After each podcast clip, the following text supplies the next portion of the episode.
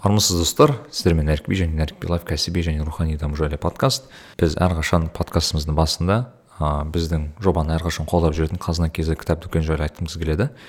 Қазына kz тек қазақша кітап сататын дүкен және сіз ол жерде кез келген әдеби әлемдік қазақ жалпы кез келген әдебиетті таба аласыздар. Және біз әр эпизод сайын бірнеше кітап ойнатуға тырысамыз.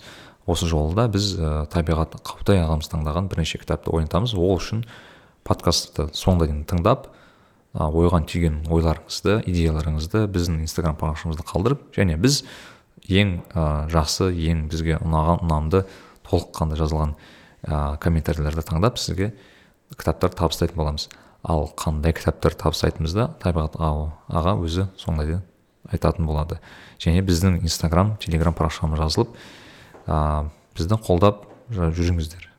Кітап оқып бірге дамиық. Нарик билай кәсіби және рухани даму жайлы подкаст. Сәлем достар. Ә, біз бүгін ә, осындай бір таңертеңгі уақытта таңның бір берекелі бір уақытында ә, керемет бір студияда жиналып отырмыз. Және маған қарама қарсы осы подкасттың ең бір эпизодтардың жұлдызы деп айтсам болады. Өзім өзімнің рейтингімде табиғат қаутай ағамыз келіп отыр. Табиғат аға қош келдіңіз. Қош таптық. Рахмет алейкум ыыы табиғат аға негізі астанада көбіне боласыз да алматыға осы иә негізі астанада тұрамын ыыы и бұл жаққа келуім себебім біраз оқырмандарым алматыда бар. Негізі алматы ыыы адамдарымен басталған еді мхм телеграм каналымда инстаграм парақшамда. Ыыы сондықтан осы жаққа жиі келіп тұратын себептерім бар. Иә. Күшті. Негізі сіз табиғат аға алматыға келді деген кезде телеграм каналыңызда басқаларды бәрі кішкене не болып ә, мен сізді де қуандым иә қазір адамдардың көбісі жазып жатыр ыыы индивидуальный жеке консультацияға бола ма деп мхм мен шын айтсам ойлаған жоқпын бұлай көп адам жазатынын жалпы осыдан екі күн бұрын ғана инстаграм парақшада он мыңға жеткен еді подписчик саны. Мхм бірақ алматыға келемін деп айтып едім. Біраз адам жазып тастады и біраз адам қабылдай алмай қалатын себептен бәлкім ренжуі де мүмкін. Иә.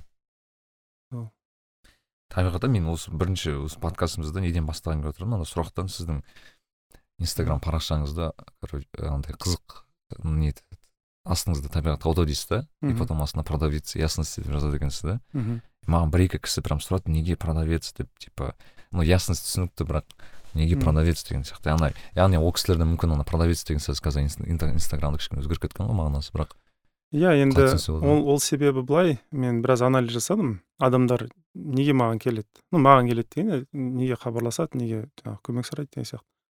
Шынымен де ә, не сатам? Енді сату мәселесіне жоқ не ұсынамын мәселесіне келгенде енді анализ біраз жасай жасай ә, адамдар көбісі келгенде басында өз ойлары несі армандары бар бір бірінің ішіне кіріп кеткен бір ә, бейне бір каша секілді бір нәрсемен келеді да. Ә, әңгіме барысында өздерін табады ә, өздерінің жаңағы бір ориентир бір бағдар білет таба алады да. Сол себепті мен ясность дедім былайша айтқан уақытта анықтық адам өзінің өміріндегі өз орнын жерін абай айтпақшы жаңағы кетігін ә, табуына бір себеп болады екен да. Осындай кездесулер жаңағы посттар материалдар. Бұл бір. Және де неге продавец неге сатушы? Ол себебі м қазір ә, халық біраз былай айтқан уақытта еркелеп қалған. Қазақтың андай бір сөзі бар ұрбандаған дейді ғой былайша айтқан уақытта ә, елге егер ә, жай нәрселердің өзін ұсыну мақсатында ә, біраз терлеу керек та ә, біраз олардың жаңағы түсінетін тіліне қарай көңіліне қарай сөйлеу керек. Былайша айтқан уақытта сату ә, техникаларын қолдану мәжбүрлік болады да былай жалпы айтқан уақытта көп ақиқат мысалы абайдың да кітаптарында жазылған ғой мысалы. Немесе басқа да біздің бабаларымыздың кітаптарында жазылған бірақ халық оған қатты қол соза қоймайды да былайша айтқан уақытта. Сондықтан ә, халыққа сондай ақиқаттарды жақындату мақсатында ә, енді көңілін алу керек оның жаңағы жағдайына кіру керек. Сондықтан бір сату секілді бір процесс болады енді. Мхм. Сол үшін мен жаңағы продавец ясности деп атағаным мысалы менде сұрақ осы продавец деген сөзде мысалы қаншалықты жақсы мағына бар қаншалықты жаман мағына жаман мағына емес енді айтқым келгені мысалы бізде енді әртүрлі контекстте түсінеді да ол сөзді мысалы продавец дегенде анау продавец тұр ғой деген сияқты. Бүйтіп бір сондай бір сөз бар бірақ продавец дегенде де бір енді мысалы пайғамбар саллаллаху өзі де саудамен мысалы айналысқан ғой. Мысалы ол былай қарасаң енді пайғамбардың өзі айналысып жатса значит ол нормальный зат деп айтқаным келген ғой. Енді просто қазір ол сөздің өзі бір мағынасы бір қызық екен деймін ол сөздің негізі негативті мағынасының екі себебі бар. Ыыы біріншісі себебі ыыы енді совет үкіметі кезінде торгаш деген нәрсе болған. Иә иә осы сатушыларға енді солай қараған. Ыыы және идеология жағынан да егер саудамен біреу айналысса ол бір ә, бейне бір күнәһар секілді қаралған. Бұл бірінші нәрсе. Екіншісі да сетевой маркетинг болып кеткен. Сетевой маркетинг қатты әсер етті. Ыыы тоқсаныншы жылдар көп келіп жаңағы енді халық ориентир жоқ не не істеу керек екенін білмейді ақша жоқ не жоқ. Жаңағы қарызға да батты ананы да алды мынаны алды. Неше түрлі сетевой маркетингтерден кейін млмдан кейін жаңағы продавец деген сөз енді негативный коннотация болды жаңағы бейне бір жаман бір мағынада. Бірақ енді ол мағынада қолданған жоқпын мен енді продавец ретінде. Иә. Андай не чтобы что то впихнуть или втюхать деген сөз бар ғой. Мен олай емес ондай мағынада емес. Бірақ м жалпы бар ақиқаттарды бір әсемдеу мақсатында болған нәрсе да. Мхм сол. Күшті. Енді біз тыңдармандарға түсіндіре кетейік ыыы біздің бірден бір бүгінгі мақсат мүмкін табиғатаға жазған бір көптеген посттар немесе осы халықты былай қызықтырып жүрген сұрақтарға жауап алу. Мен енді прям андай опрос жасамадым шын айтсам. Яғни қандай сұрақ қоюға болады? Бірақ өзімнің сіз мысалы оқыған кезде бір рефлексия жасаймын. Мхм. Мысалы мындай сұрақты қойсам қалай болар еді деген сияқты. И көбіне мысалы сіздің енді жазып жүрген посттарыңа байланысты да себебі сіз кейде бір тайтл да қоясыз да потом кішкене түсіндірме қоясыз. И адамдар иә. жазады ғой жерге сізге анау түсіндірмесін жазыңызшы анау мынау деген сияқты. Соны ойлаймын да мен бір бір түсіндірмесін берген дұрыс ау деген сияқты осындай бір жақсы жақсы. Ә, енді посттарыңыз өте көп шын айтайын. Ә, сіз өте продуктивный екенсіз сол жағынан әрине машалла. Ә, бір екі посттан бастаған келіп жатыр мен соңғы оқығандардан. Жақсы. Ә, мысалы не байланысты? Мысалы сіз соңғы екі буквально күн бұрын ба ә, қателер туралы жаздыңыз ошибки мхм. Мысалы м ошибка дегенде мен түсінген бойынша адам қателеседі кез келген адам қателеседі. Бірақ кейбір адам ол қатеден сабақ алады кейбіреу сабақ алмайды. Бірақ ыыы одан бұрын адам ыыы біреуді кінәлауы мүмкін ол ол Иә. арқылы иә? Иә. мен түсінген бойынша осы Иә. мағынасы сол ғой. Яғни мен мысалы бір қате жасаймын. Мхм. Екі вариант бар. Либо мен короче сыртқа былай факторларды ата анамды немесе қоғамда мхм. қоғамда басқа заттарды кінәлаймын. Немесе екінші жағда мен өзімді кінәлаймын. Иә. Ыыы сондай сондай мағынада да енді қате мәселесі келгенде жалпы екі жол бар адам жүретін. Иә. үнемі жүретін екі жол. Біріншісі себеп салдар ә, жолы. Бұл ананы істедім мынадан кейін мынау болды мынаған әсер етті деген секілді. Екіншісі осы жолмен параллельно жүретін жол бар. Ол сезімдер жолы. Эмоция дейді ғой былайша айтқан уақытта көп адам ыыы енді закон парето секілді мен ойлаймын бір жетпіс сексен процент бәлкім адамдар ыыы олар эмоционалды жолда жүреді да мысалы бір оқиғаның ішіне кіріп кетеді. Мхм сосын келеді жаңағы консультацияға келеді и маған түсіндіреді «Ә, осылай жағдайым мен сұраймын ғой енді не болды деймін. Ол өзінің сезінгенін түсіндіреді ощущенияларын ғана түсіндіреді да. А нені қалай істеді қалай сол оқиғаға кірді оны білмейді өзі түсіндіре алмайды. Сол себепті ол артқа қарай былай тарқата алмайды да. Қай қадамнан бастап қатеге кеткенін түсіндіре алмайды өзі. Өйткені сезімдердің ішінде жүр да ол. Оған сезім маңыздырақ. Ол былайша айтқан балық судың ішінде жүргенде балық суды байқамайды. Сол секілді ол сезімдердің ішінде жүргендіктен қалай сол оқиғаға кіріп кеткенін білмейді. Мысалы егер жаман оқиға болса сол секілді жақсы оқиға да болады кейде бір успех дейді ғой бір жетістікке бизнесте жетеді. Қалай істедің десе оны да түсіндіре алмайды адам. Неге түсіндіре алмайды? Өйткені жаңағы жетістіктің несінде еріп кеткен да енді күшті сезімдердің ішінде жаңағы толқып өзінше болып кеткен да а қалай оны қайталау керек екенін білмейді мысалы. Сол себепті адамдарға өте маңызды себеп салдар ә, жолында қалай ә, өзін ұстау керек қалай анализ жасау керек соны бір түсінген өте маңызды адамдарға. Мысалы бізде бұрын ә, бабаларымызда мысалы ә, қарт кісілер иә ол кісілердің ә, несі маңызды болған олар жаңағы жастар сезімтал қатты ғой енді сезімі нетіп тұрады ә, көпіріп тұрады. Жас адам ке- сұрақпен келген уақытта олар байыппен отырып салмақты түрде түсіндірген. Сен мынадан мынаны бастадың сол себепті былай болды деген сияқты. Жас адамға ол қиын ондай нәрсе. Сондықтан ә, қате жасаған уақытта көп адам кінәлайды. Анализ жасамайды. Қалай бұл болды? Сразу былай нетеді андай сразу қайнап кетеді да от алып кетеді да или кінәлайды или тағы бір бұл бір мәселе. Екіншісі ә, кінәлаудың бір жаман жері ол енді қателік не үшін берілді? Қателік бір нәрсе үйрену үшін ғой енді сабақ қой. Бірақ сабақтан қашады адамдардың көбісі. Ол ә, қателіктің ішіне жаңағы жаман сезімдеріне қатты беріледі да басқалар кінәлайды анау жаман мынау жаман деген секілді сондай нәрсе басталады. Сол себепті ол мүлдем ол мәселенің ішінен шыға алмай қалады. Мүлдем шыға алмайды. Ол бір тығырыққа тіреледі. Көп адам жазады мысалы айтады мен тіреліп қалдым не істерімді білмеймін анау мынау адам жиырмада да болуы мүмкін отызда да болуы мүмкін қырыққа да келген кісілер де жазады мысалы. Неге? Өйткені өзінің қалай бұл мәселеге кіргенін білмейді. Ол үшін бір ә, подсказка ретінде бір техника айтайын. Адам өз өзінен жиі сұрап тұрса жақсы болады. Мысалы бір мороженое балмұздақ мысалы жақсы көреді. Неге жақсы көреді? Немесе мысалы бұрыш жек көреді неге жек көреді? Өз өзінен ә, күнделікті бір жақсы көретін және жек көретін нәрселерін сұрау керек. Неге мен бұны жақсы көремін? Неге мен бұны себебін білу керек иә себебін білу керек. Өзіне бір қазытса дұрыс болады. Сол сезімді ғана сезіне берудің орнына сол сезім неге менде бар?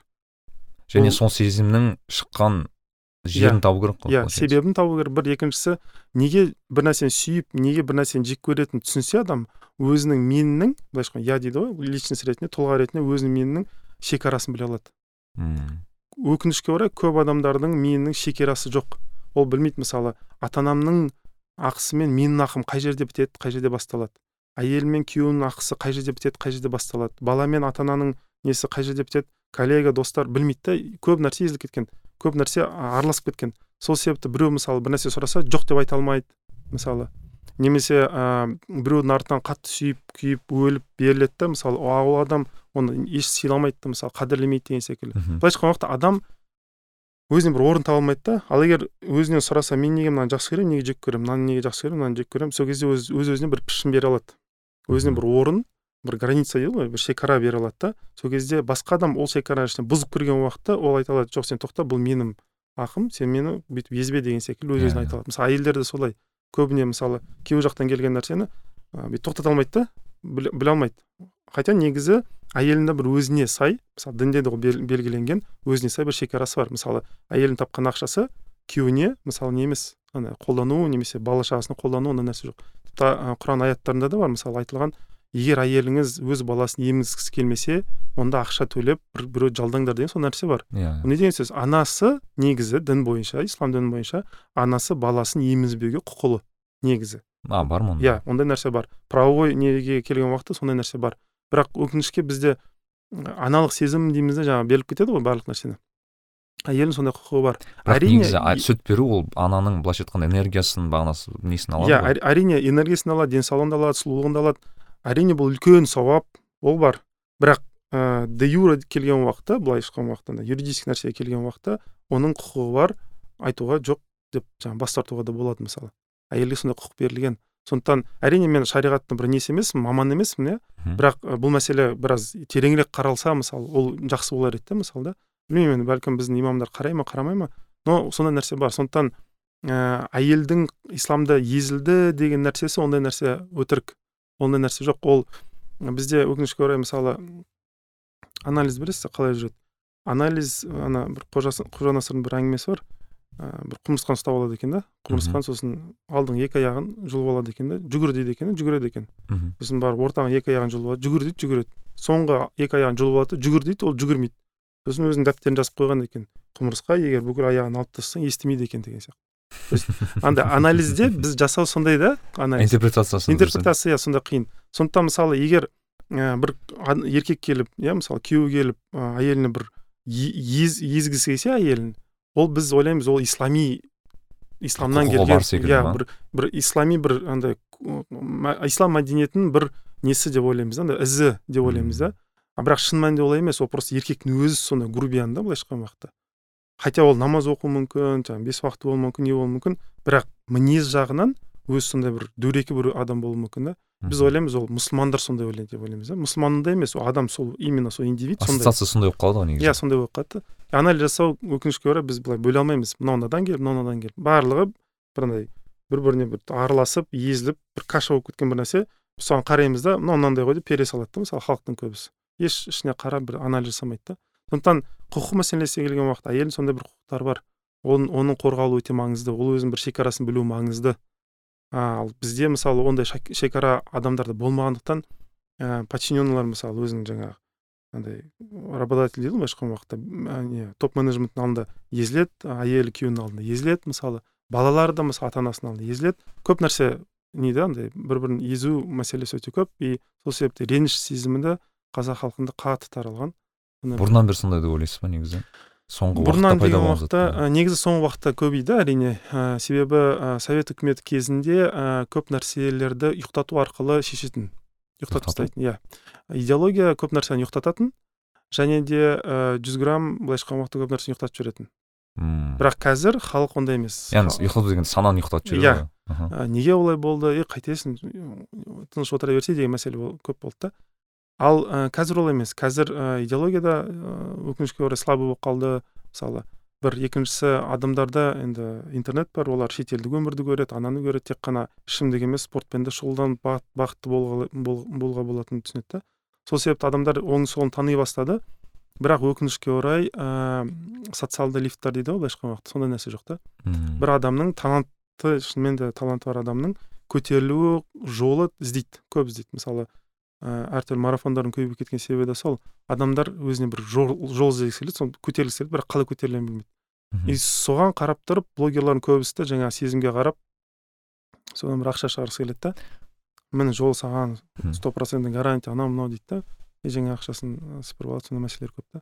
Сол бір эмоцияға давить ететін сияқты кейде сол мәселе. Иә адамды бір жол таппаған кезде сен бір эмоционалды иә. бір неде боласың ғой бір депрессия болады немесе әрине. жол іздей бастайсың бұл негізі ә, манипуляция енді әрине. Ә, және де бұл ә, қалай десем екен қазақ халқы өзі эмоционалды халық. Эмоционалды халық ә, бір нәрсе болса қатты күйіп кетеді. Біз қазақ халқының мысалы ә, қырсық деген мінез бар бізде сондай нәрсе бар да біз көбіне рационалды емес иррационалды логикаға тұрмайтын бір сезімдер бағынып бір нәрсе істеп қоямыз да мысалы. қылмыс болсын соны істеп қояды жақсылық болсын соны істеп қояды кейін ең соңынан өкінеді да. Yeah. Иә. біреуге көмектесіп қояды аузын ашып сосын барып өкініп отырады ана адам маған көмектеспеді мен мына туысыма бүйтіп едім ол маған қайтармады деген секілді. Немесе қылмыс жасап қояды. Біз өте эмоционалды халықпыз. Былай сырттан суық болып көрінуі мүмкінбіз бірақ шын мәнінде де өте эмоционалды халықпыз. Тез көтерілеміз тез нетеміз тез көпіріп кетеміз. Сол себепті ә, ондай халық өкінішке орай өзінің бір орнын табу қиын. Орын тапса да сол орында бір отырып басып нететін андай өкінішке болмайды. Бұл бізде қазақ халқында ақсақалдардың болмауында.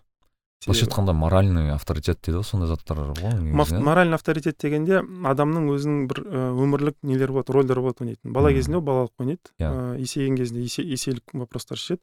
А вот қарттық кезде қарттық кезде ол халықтың бір несі болады. Қазық секілді ә, кейбір ақиқаттарды нелерді мысалы заңдылықтарды принциптарды ұстап тұратын сондай ақсақалдар керек.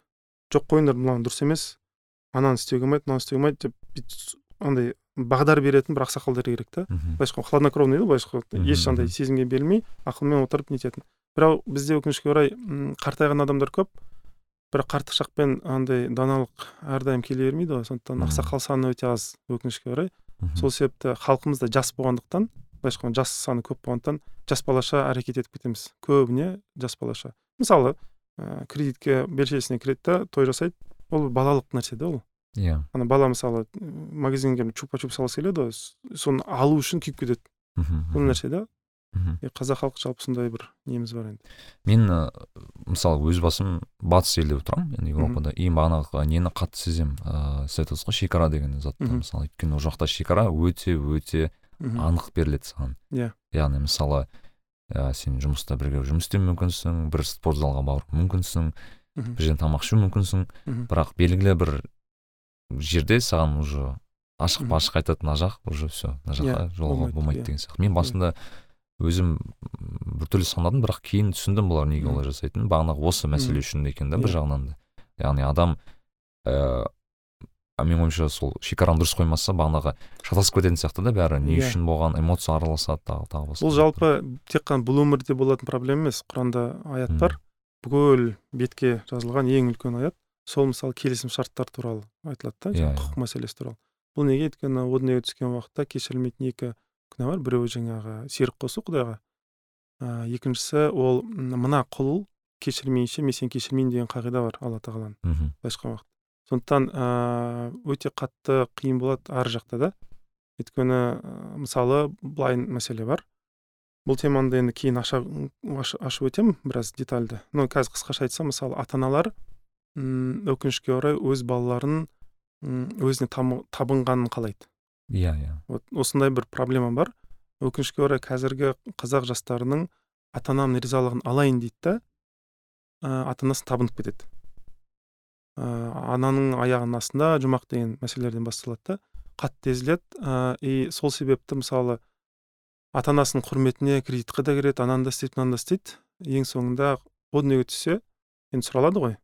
Ол айтады енді мен ата анам үшін сондықтан ата анасының жағасынан ұстайды да періштелер былайша ол да мәселе бар да сондықтан бұл неге ұқсайды бұл ә, кішкентай балам бір нәрсені сұрай береді сұрай береді алмашы деп бере салып кейін ә, баланы мысалы сотка сұрай береді сотканы беріп беріп баланың көзі отырып қалса кімге жақсы мысалы иә сол секілді ыыы өкінішке орай бізде ата анасына табынатын жастар саны өте көп мен айтпаймын ата ананы сыйламау керек деп мәселе ол емес. Бірақ оларды обожествлять дейді ғой былайша айтқан құдайдың орнына қойған дұрыс емес. Сол себепті адам қиналады. Адам жалпы құдайдан кімді жоғары қойса сол жақтан таяқ жейді. Бұл өмірде всегда былайша айтқанда әрдайым қайталанып тұратын тағдырдың бір қағидасы. Мысалы сіз енді өзіңіздің былай консультация жасайсыз тағы басқа мысалы сіз айтып отырсыз мысалы көп адам мысалы ата анасын өте өте өте жоғары деңгейге қояды. Енді және мына сөзіңіз бар иә мысалы адам қай жерде құдайдан бір затты иә. жоғары қойды сол кезде проблемасы мысалы ата ананы алайықшы егер ә, бір адам ата анасын жоғары қойса көбіне қандай проблемалар басталуы мүмкін? Жалпы былай айтайын ә, бұл мәселені енді жарайды детальді ашайын ә, толығырақ. Былай иә айтылған ата ананың ризалығын алу керек деп. Иә. Ол рас. Ол дінде бар ә, шынымен де бар. Біздің жалпы мәдениетімізде де бар деген секілді ол рас. Бірақ мынандай нәрсе бар. Ата ана ол да бір пенде ғой. Оның бір нәпсі бар. Біздің ата аналар өкінішке орай өзінің нәпси андай былайша айтқан уақытта қалаушылықтарын баласына жүк қылып артады. Үй алып бер машина алып бер ананы алып бер бұл нәпси нәрселер бұл дүниелік нәрселер. Мхм. Және де ә, бала ата анасын разы қыламын деп дүниеге белшесіне батады. Иә. Yeah. батады да ә, енді біздің ата аналарда қалай? Жалпы м совет үкіметінен шыққан адамдар ә, жақсы манипулятор болады. Не себепті?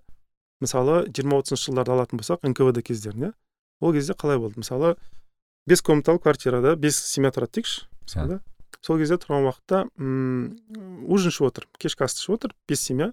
Келесі күні отырады да төрт ақ семья ғана таңғы асты ішіп отыр да. Неге? бір семьяны түнде жер аударып жіберген да нквд енді не істейді енді ойлаңыздар мысалы мен отырмын иә. Отбасым бар бала шағам бар анау бар мынау бар. Және менімен қатар тағы төрт семья бар. Тағы үш семья қалды иә. Мен ойлаймын ғой үшеуінің біреуі скорее всего сдавать етті деп иә скорее всего бір бір нәрсені арыз жазып жіберді сосын аударып жіберді не істеймін мен оған? Енді өмір сүргім келеді ғой бала шағам бар ғой. сондықтан мен не істеймін? күлемін өтірік айтамын анау мынау. Сондай қабілеттерімді ұштастырамын. Адамды оқуды басқаларын мен оқымасын деген қабілеттер қатты ұсталады бұл жерде. Неге өйткені цена вопроса өлім. Баламды или детдомға жібереді әйелім жаңа басқа жерлерге жібереді ә, мені басқа жерге жібереді. Сондықтан мен не істеймін? Алдауды ал, арбауды қатты үйренуім керекпін. Бұл өте маңызды. Былайша айтқан уақытта когда надо выжить енді барлық нәрсе неге кіріп кетеді да андай қалай десем екен бұл жерде халал харам деген нәрсе жоқ. Адам любой нәрсесін істеп кетеді да сондықтан совет үкіметінің кезінде тұрған адамдар тем более қорқыныш диктатурамен өмір сүрген адамдар өте қулық манипуляция сондай нәрсе қатты күшті болады. Бұл мәселе ә, енді бір ұрпақтан екінші ұрпаққа беріліп келді. Сол себепті мысалы ата ана біздің ата аналарымыз қалай істейді?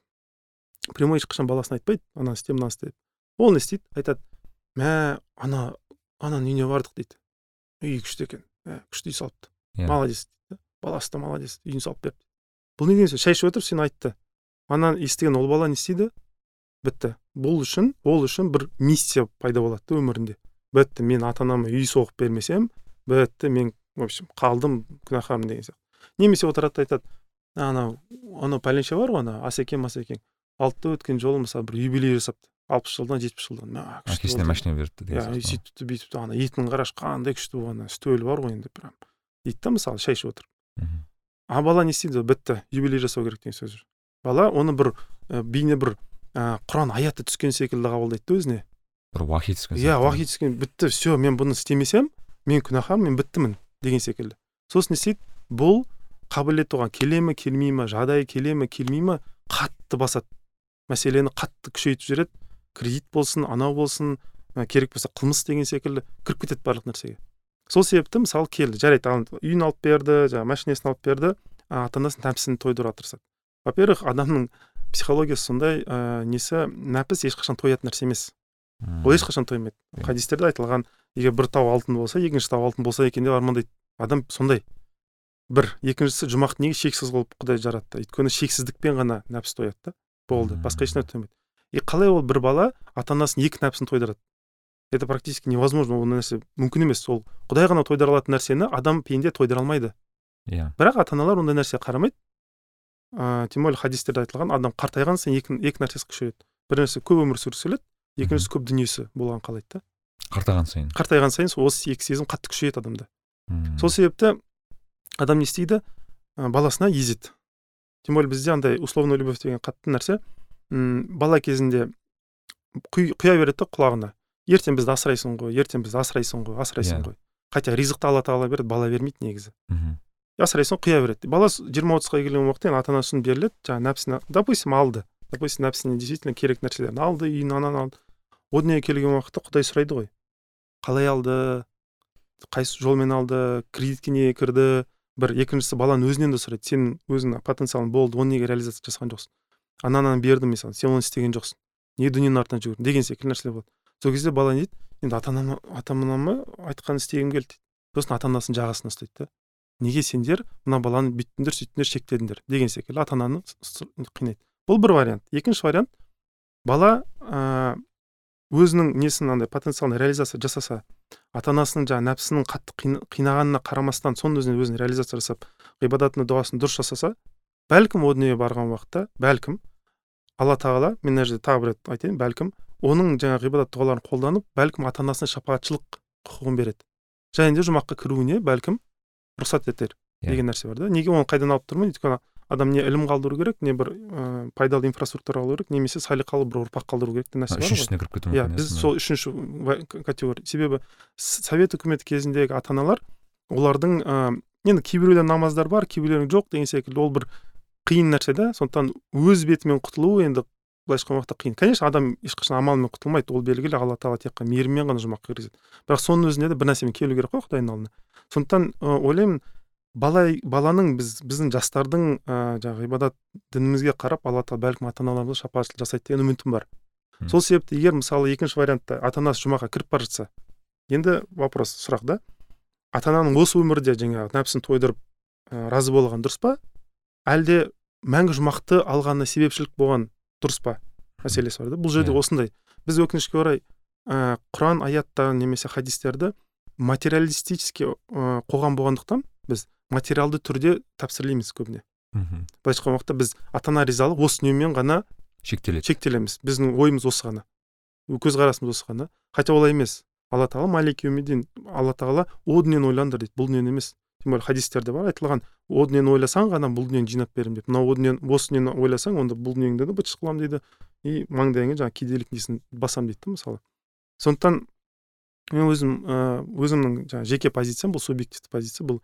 Ешбір адамдарға айтпаймын былай істейін былай істейін бірақ айт, айтқым келеді менің өмірлік мақсатым ата анамның жұмақта болғаны. Нежели разы болу деген мағынада мен yeah. Иә. жұмақты түсінемін деп айтасыз иә мен солай түсінемін. Ата анамның мысалы жұмаққа кірсе міне менің ең үлкен мақсатым ең үлкен арман осы. А бұл өмірде иә әрине қиналады. Иә әрине бәлкім көршісі секілді үлкен үйі болмайды анау болмайды мынау болмайды. Бірақ алла тағала қанша дегенмен ризықты беретін алла тағала ғой.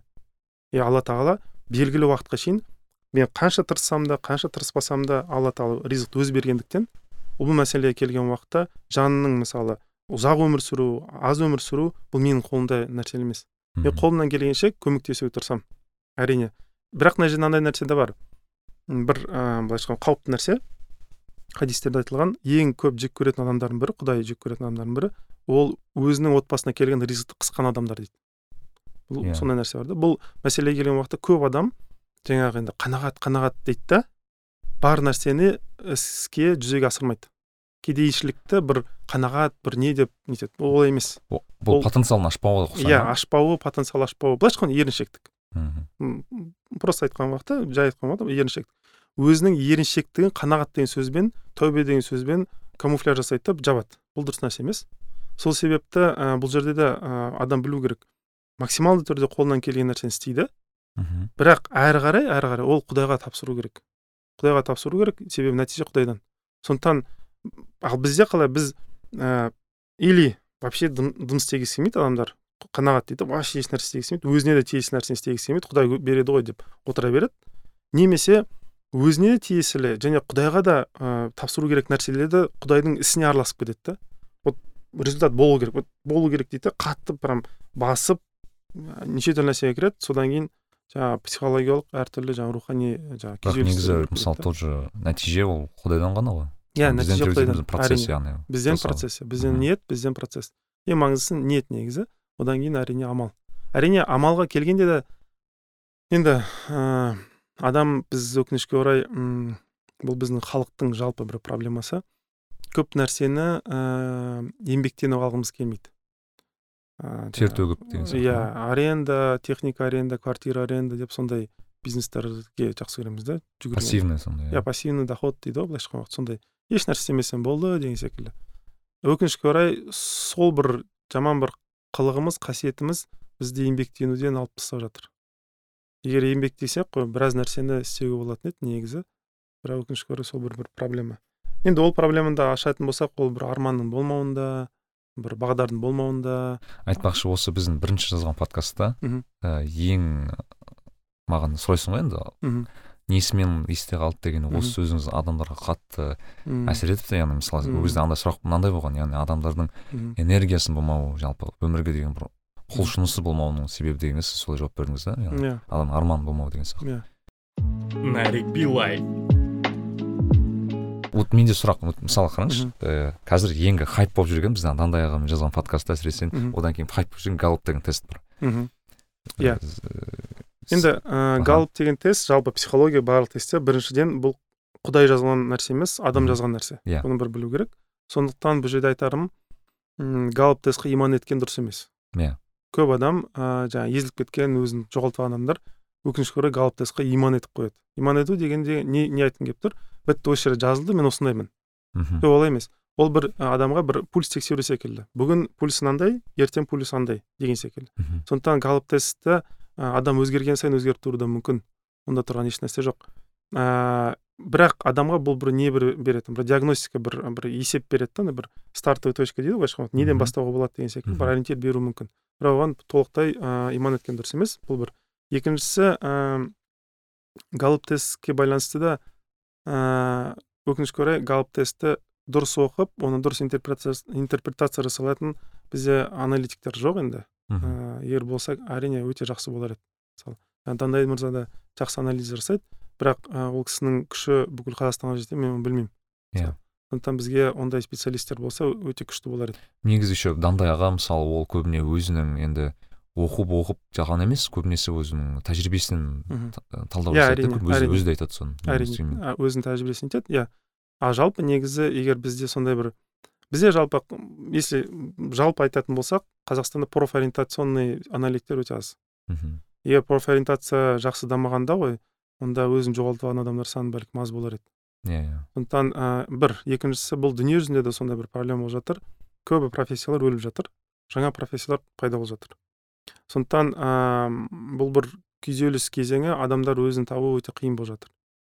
Үшінші мәселе дүние жүзіндегі жиырмасыншы ғасыр бойы бізге билеп тұрған идеологиялар барлық құлдырады сынды.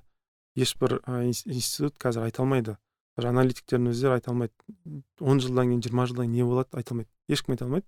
Өкінішке орай мен қанша аналитиктер тыңдаймын қараймын ешкім бұрын мысалы прогноздар оңай айтатын мысалы он бес жылдан анау болады мынау болады деп. Қазір үш жылдан астам прогноз бере алмайды көп адам. Ненің не болатынын ешкім білмейді. Ә, енді тырысатындар көп конечно бірақ өкінішке орай нәрсе жоқ. Ә, уже істей алмайды. Бұл бір екінші ә, бұл үшінші. Төртіншісі қалай десем екен? Профессияның профессия сөзі мен ойлаймын ә, кетеді деп ойлаймын. Бұл кетіп жатыр.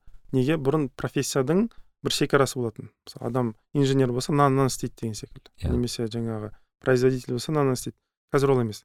Қазір ә, больше андай навык дейді ғой былайша қабілет қасиетке көп қаралады. Адам инженер болуы мүмкін бірақ коммуникация жақсы болғандықтан ол тез көтеріледі. Екінші инженер болуы мүмкін ол коммуникация слабый болғандықтан ол онша көтеріле қоймайды деген секілді. Сондықтан бұл жерде профессияға қаралмайды бұл жерде қасиет қабілетке қарайды. И галоп тесттің сөздері жақсы болып тұр да ол қасиет қабілет жағынан адамды анализ жасайды. Ол профессия жағынан анализ жасамайды. Сондықтан тура сондай қабілеттерді ана профессия мына профессия басқа әртүрлі неше түрлі бірнеше профессияда мысалы ұштастырып отыр бір қабілетті иә сондықтан галоп тест сол жағынан көмегі бар. Бірақ тағы қайталап өтейін оған иман етіп қойған ә, дұрыс yeah. Иә. нәрсе емес. Ыыы вот арманға байланысты да менде мысалы галоп тестте стратегик деген сондай бір не бөлім бар да иә. есімде болса. И сол жерде мысалы футуристик деген қасиет бар. Яғни иә. болашақты болашақты болжау деген ну бұл болашақты болжау емес негізі. Бұл елестете алу сияқты ма? жоқ ондай нәрсе емес. Адамның ішінде қабілет болады. бір дән ретінде жатады да. Сол дәнді көре алу қабілеті. Мм. Былайша айтқан уақытта мынаның ішінде андай ә, тайсонның мысалы несі болды ғой жаңағы ә, тренер болды. Сол секілді адамдар болады который жас кезінде бір қабілетті көреді да. Соны ойлайды мынаған егер еңбек пен дисциплина қосылса мынау күшті нәрсе болып шыға келеді деп ойлайды да. Иә. Ол бір сондай бір нәрсеге негізделеді да. Сондықтан ә, бұл келешекті көру қабілеті деп айтайды бірақ келешекті көру емес ол адамның ішіндегі потенциал дәнді көру қабілеті. Мм солай түсінемін. Иә сол мәселе негізінде сол мәселе. Өйткені ә, ешкім ә, келешекті былай болжай алмайды да ондай қабілет жоқ адамда и футуристик деген қабілет біраз неге де кел дінге де қайшы мәселе болуы мүмкін. Мхм өйткені алла тағала айтады ғой ғайыпты мен ғана білемін ол жерге араласпаңдар дейді. То есть ғайып ішіне кіреді ол келешекте кіреді сондықтан футуристигі күшті адамнан келешекті болжап берші деп сұрау ол дұрыс нәрсе емес. Адамды біраз күнәға итермелеуі мүмкін. Ол просто сол адам көрген организация болсын жаңағы бизнес болсын бір топ адам болсын солардың іштеріне қарайды да қабілетін көре алу несі? Мүмкіншілігі да? Босты маған жақында бір кісі сұрақ қойды. Ыыы мысалы арманға байланысты тоже айтты да. Мысалы кейбір адамдар мүлдем армандауды білмейді дейді да мысалы армандауды. иә, прям айтасың не арманың бар вообще типа иә. жауап жоқ. Сол кезде маған айтады да мүмкін ол кісінің бағана футуристігі төмен шығар может андай шығар. Мен сұрақ қандай да бұл жерде сондай мәселелерге байланысты галлоптың кейбір мысалы мынандай мынандай қасиет мынандай мынандай навыктар әсер етуі мүмкін деген бар ма жоқ жоқ олай это притянуто за уши дейді ғой былайша айтқан уақытта жоқ одан емес ол. Ол болу себебі неден? М арманның жалпы болмау себебі адам қатты шаршап кеткен. Адам энергия болмаған уақытта ыыы ә, мынаған қолым жетпейді дейді да өз өзіне блок қойып қояды. Мысалы көп адамдардың денсаулығы нашар. Иә. Көп адам мысалы даже жиырма жастағы адамдардың көбісінің денсаулығы нашар. Денсаулығы мықты адам ә, энергия көп болғандықтан ананы да көргісі келеді мынаны да көргісі келеді неше түрлі нәрсе істегісі келеді. Мысалы өзім айтайын бір ә, кезең болды өмірімде. Осыдан ә, бір жарты жыл жоқ жарты жыл бір, бір жылдай бұрын бір кезең енді. Сол кезде бір жақсылап тұрып бір демалыс жасаған едім өзіме. Мхм. Сол демалыстың нәтижесінде мен сурет салғым келіп кетті. Ондай бұрын істемейтін ондай қалаушылығым да болмайтын. Сурет салғым келді сосын музыкамен айналысқым келді. Ондай нәрсемен істемеймін ондай нәрсе вообще өмірімде істеген емес. Енді сурет салу болды жаңағы биге де қатысқан болды бала кезінде ол жасайды ғой утренниктарда садикте деген секілді. Ондай болды бала балабақша кезінде. Бірақ былай өмірінің бір несі деп ондай нәрсе болған жоқ. Кейін мен анализ жасадым неге олай деп. Сөйтсем адам қатты шаршаған уақытта ә, көптеген қабілеттеріне күші жетпегендіктен ол қабілет бар адам ішінде. Бірақ күші жетпегендіктен ол нәрсені дамытпайды да ол жаққа қарамайды ол бір бейне бір ана үйдің бір подвалы болады ғой ешқашан күн түспеген. Сол секілді жата береді адам ішінде. Сандықтың ішінде. Иә сандық ішінде жата береді. Сондықтан ә, адам егер шаршамай өзіне энергия жинады ма ол кезде қабілеттерді ашыла бастайды. Мен оказывается мынаған да қызығады екен мынаған да қызығады екен анау да болады екен мынау болады екен деген секілді. Сондықтан адамға көбіне энергияны жинау және оны экономды түрде былай қолдану несін үйренгені дұрыс. Ә, бұл жерде жаңағы марғұлан сейсенбайдың да көп айтатын сол адамға энергия жетпейді деген мысалы да. Вот ә, ол өте маңызды. Бизнесмендердің жалпы мысалы бизнесмендермен араласқанда да ең үлкен актив ең үлкен актив это энергия. Вот шынымен де қанша бизнесмендермен мысалы сөйлесем бес алты бизнес жасап алады содан кейін уже тоқтап қалады. Немесе жаңағы бір жерге бір белеске жетіп алады бір цифрасы бар өзінің бір қойған мысалы пәленше миллионға жетейінші деген. Соған жетеді бітті содан кейін тоқтап қалады. Одан кейін олар не іздей бастайды? Олар жаңағыдай курс іздей бастайды. Марафондар іздей бастайды энергияны көтеретін. Хотя просто демалу керек адам иә. сол сол энергияны көтергісі келеді да жаңағы бүкіл тапқан ақшасын соған бергісі келеді. Неге өйткені адамға қатты ұнайтын нәрсе драйв. Драйв дейді ғой былайша айтқан енді қазақша эквивалентін мен білмеймін қалай перевод жасауға бірақ драйвтен бір шабыт секілді бір нәрсе. Адам бейне бір сәйгүлік ат секілді жаңағы шапқысы келетін бір кезеңі болады. Шіркін деп ана бір желге қарсы самал желмен бір кең бір далада шапқысы келеді ғой аттың үстіне. Вот сондай бір сезімді адам үнемі қуалайды. Үнемі қуалайды бизнесте болсын басқа жерде болсын. Мен сосын адамдардан кейде сұраймын менен сұрайды ә, мен мынандай нәрсеге жете алмай жатырмын мысалы бизнесте мынандай нәрсеге жете алмай жатырмын дейді да. Мен айтамын саған осы жету маңызды ма? Әлде әлде жету жолында сол бір сезім маңызды ма? деймін да. Адам ойланып қалады. Сосын кейін выясняется жаңағы көреді сол сезім маңызды екен да оған. Ол не үшін өзіне мақсат қойған? Сол мақсатқа талпыну жолында сондай бір эйфория бір гормондарым қатты қайнайтын сондай бір сезімге жете ме жетпей ма деп соны армандайды екен да. Сен оны басқа жолмен ақ та Иә. сезуге болады ғой иә. Олай да істеп көруге болады. Бірақ ә, оны енді біраз зерттеу керек ол мәселені. Маған да өзіме бұл қызық ә, тематика. Оны енді енді зерттеп келе жатырмын көп нәрсе әлі, әлі айта алмаймын но ә, энергия мәселесіне келгенде екі ақ нәрсе ғана айта аламын? Бұл қазір көрермендерім бәлкім кейбір нәрсе ұнамай қалуы мүмкін. Ислам тарихында ә, адамды жас сақтаудың екі жолы болған. Иә. мен көрген мен қазір түсінгенім. Біріншісі адамдар ә, бірнеше әйел алған. Неге? Ол бір отызға келеді қырыққа келеді бір белеске келеді. Сол кезде гормонда анасы мынасы түсе бастайды. Сол кезде жаңа әйел алған уақытта ол жаңа әйел не істейді? Бір талаптар қояды алдына. Ананы істе мынаны істе деген сияқты. Тем более біздің халық неде андай намысшыл ғой. Сен істей алмайсың ба мәселесіне? Басады да жаңағы. Қырық жастағы еркек мысалы алады да жиырма жастағы жігіт секілді секеңдей бастайды да. Былайша айтқан бірінші осымен шешкен бірінші осы мәселемен шешкен екіншісі жер шарлаған. Мысалы не істеген? Ана қалада тұрады бір уақыт келеді басқа қалаға көшеді сосын басқа мемлекетке көшеді көп жер шарлап жүрген. Ол неге олай болған? Себебі ә, кез келген мемлекетте кез келген бір жерде отанда социоэкономикалық бір і, нелер ұстанымдар бар. И адамның психологиялық старение дейді бір ә, қалай айтсам екен адамның психологиялық тұрғыдан қартаю процесі бар. Ол қалай жүреді бізде ол отыз отыз бес жаста. Мхм. Адамды тезірек үйлендіреді тезірек отбасы болады бітті. отыз отыз бестен кейін адамның өмірінде көп нәрсе өзгермейді негізі. Иә жұмыс орны өзгеруі мүмкін бірақ ә, жалпы бір күрделікті жоқ болмайды. ондай болмайды К- комплексті бір өзгерістер болмайды. Просто екі ақ установка бар. Баламды аяқтандырсам үйлендірсем болды. То есть жаңағы передача былайша айтқанда ана өзіне бар нәрсені балама жеткізсем болды. Осымен ғана шектеледі да. Сондықтан отыз отыз беске келген уақытта мысалы бір қаладан бір қалаға көшкен адамдар бір не алады импульс алады да. Жаңа. Е, жаңа импульс алады басқа мемлекетке көшкендер жаңа импульс алады да. И басқа мемлекетте уже басқа ұстанымдар бар. Мысалы бәлкім қазақстанда қызық болған нәрсе басқа мемлекетте ондай қызық емес. Мхм. Басқа мемлекетте басқа нәрселер қызық. Сосын адам не істейді адам қайтадан жаңаруға тура келеді да. Сондықтан ә, мен айтқым келген осы екі способпен шешкен. Мхм. Мен айтып тұрған жоқпын енді «Е- екінші әйел алыңдар деп қазір көрермендер өйтіп оны маған шығарып жүгіре бермесін. Табиғат айтты бітті алу керек деп. Айта білемін мен кейбір ә, еркектер ана әйелін басу мақсатында айт, ә, менің сөзімді мен ана қолданып бір бір бір жігіттер болады которые әйеліне осы біздің жазған аудионы айтады да мұны иә иә иә иә ондай көп келеді даже бизнесмендер де келеді сен айтады е уразуми моих дейді да маған. Түсінбейді мыналар бір кілең топастар деген секілді сен күшті айтасың ғой менің сөзімді алып мен сабалағысы келеді да иә. Немесе әйелімен бүйтіп ұрып ұрып тасташы дейді да ты, ты же можешь деген секілді келеді да мысалы. Ол дұрыс емес әрине. Сондықтан айтып тұрған жоқпын екінші үшінші әйел алыңдар деп. Просто айтқым келіп тұрған нәрсе осы способ болған. Екіншісі ә, әрине бұл жерде бірінші способта әділеттік болу керек құқық сақталу керек анау керек мынау көп нәрсе керек. А екінші мәселесіне келген уақытта айтып тұрған жоқпын жер аударыңдар басқа жаққа ауысыңдар деп тұрған жоқ бірақ сондай бір феномен бар. Ә, егер адам бір жерден бір жерге көшсе өміріне бір өзгерістер жасаса ә, оның да бір жасару несі ә, үлкейеді. Жалпы мен достарым бар бір жерде он жылдан астам жұмыс істеген. Мен бұл нәрсені құптамаймын.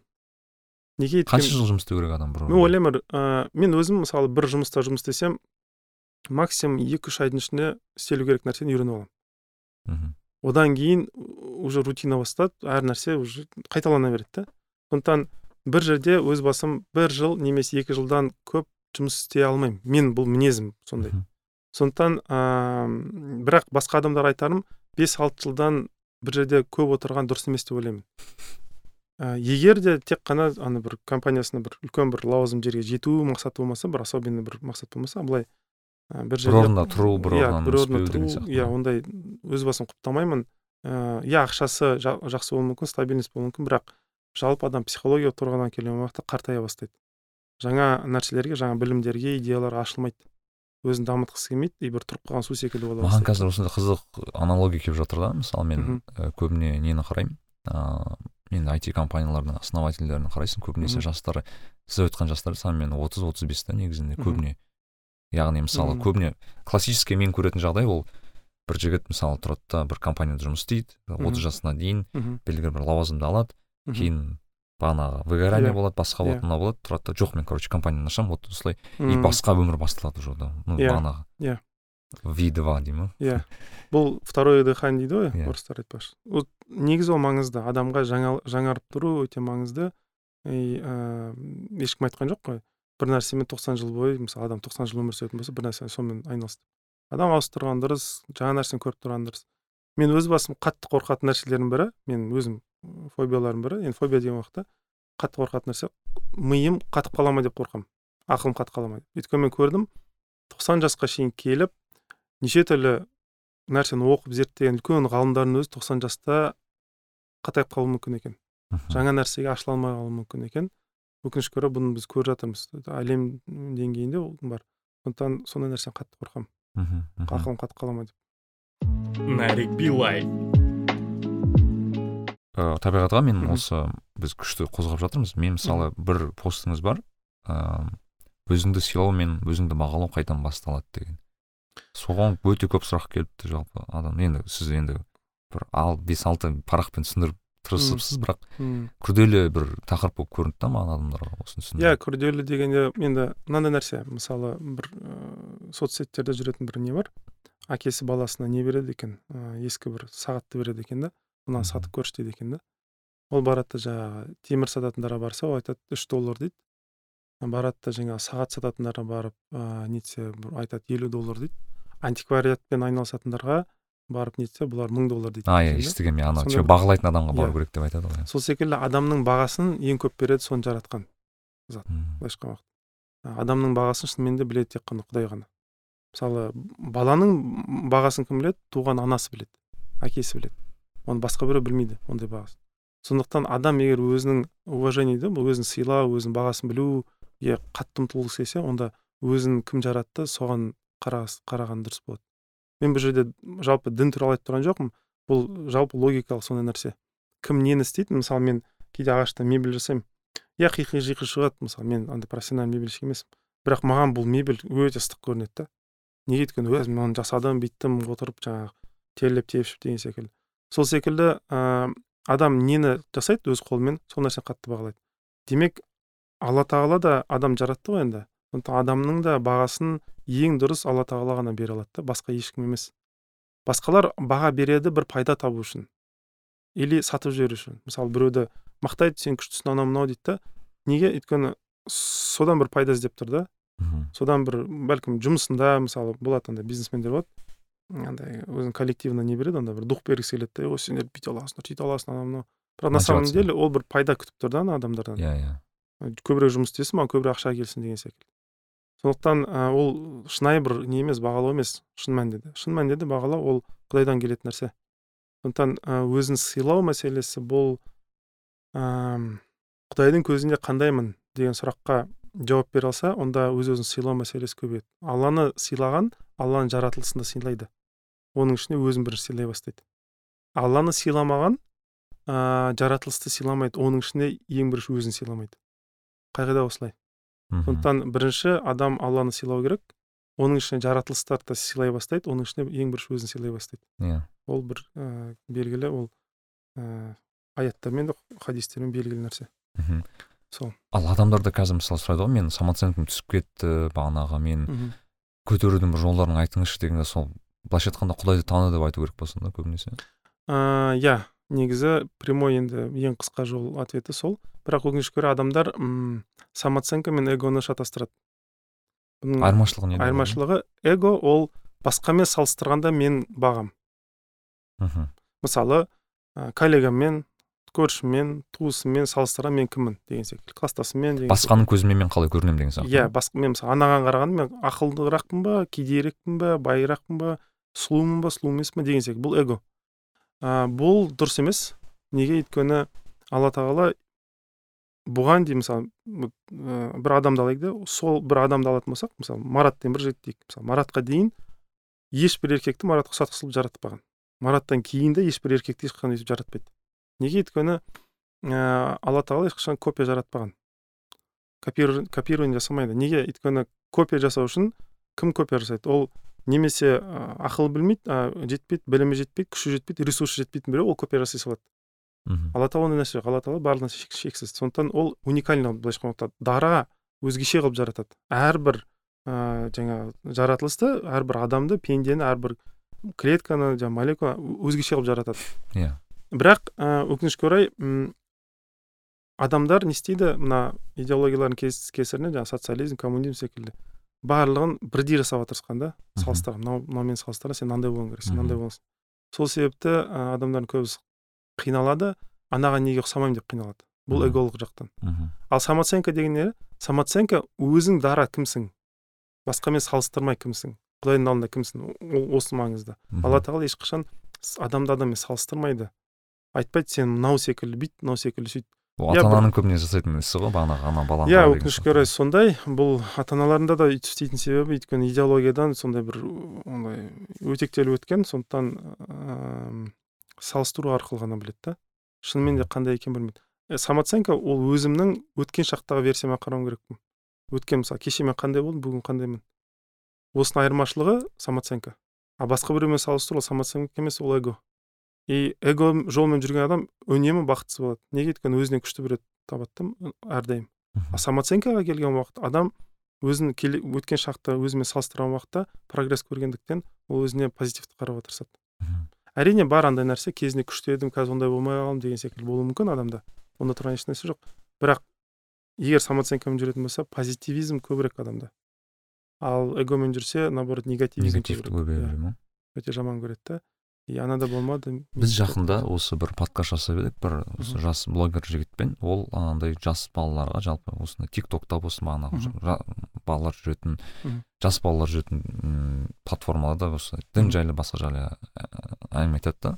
Соның бір қызық бір анализ болған что именно қазіргі жасөспірім балалардың номер один проблемасы ол негатив дейді короче негізінде. Қаншалықты иә келісесіз осымен? Енді негатив дегенде ол неге негатив? Во первых мынандай нәрсе. Бұрын мысалы газет журналда жазылған уақытта әртүрлі тексерістен өтетін.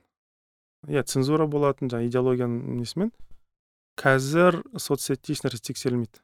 Нені кім жазып жатқанын мысалы қайдан келді ол бәлкім шетелде отырып жазуы мүмкін деген секілді. Бұл бір. Екіншісі ата аналарында балаға бергісі келетін енді уақыт внимание дейді ғой. Көп бергісі келмейді сондықтан сотка бір нәрсені бере салады. И бала алады жаңағы фильтрсіз барлық нәрсені көреді.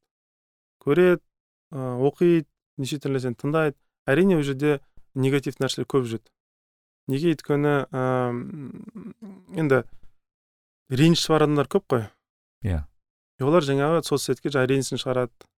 Анаумен нетеді. И ата анам мысалы түсінбейді анау мынау деген секілді бір нәрселер шығарады. Ол бала да сосын тоже оны көріп алған айтады иә менің де ата анам сондай деген секілді то есть ондай негативті нәрселер өте көп болу себебі ә, фильтр жоқ ешкім қарамайды ешкім тексермейді. Ә, және де оның бір несі де жоқ. Үм, балаға өкінішке орай ненің дұрыс ненің бұрыс екенін көрсету өте қиын.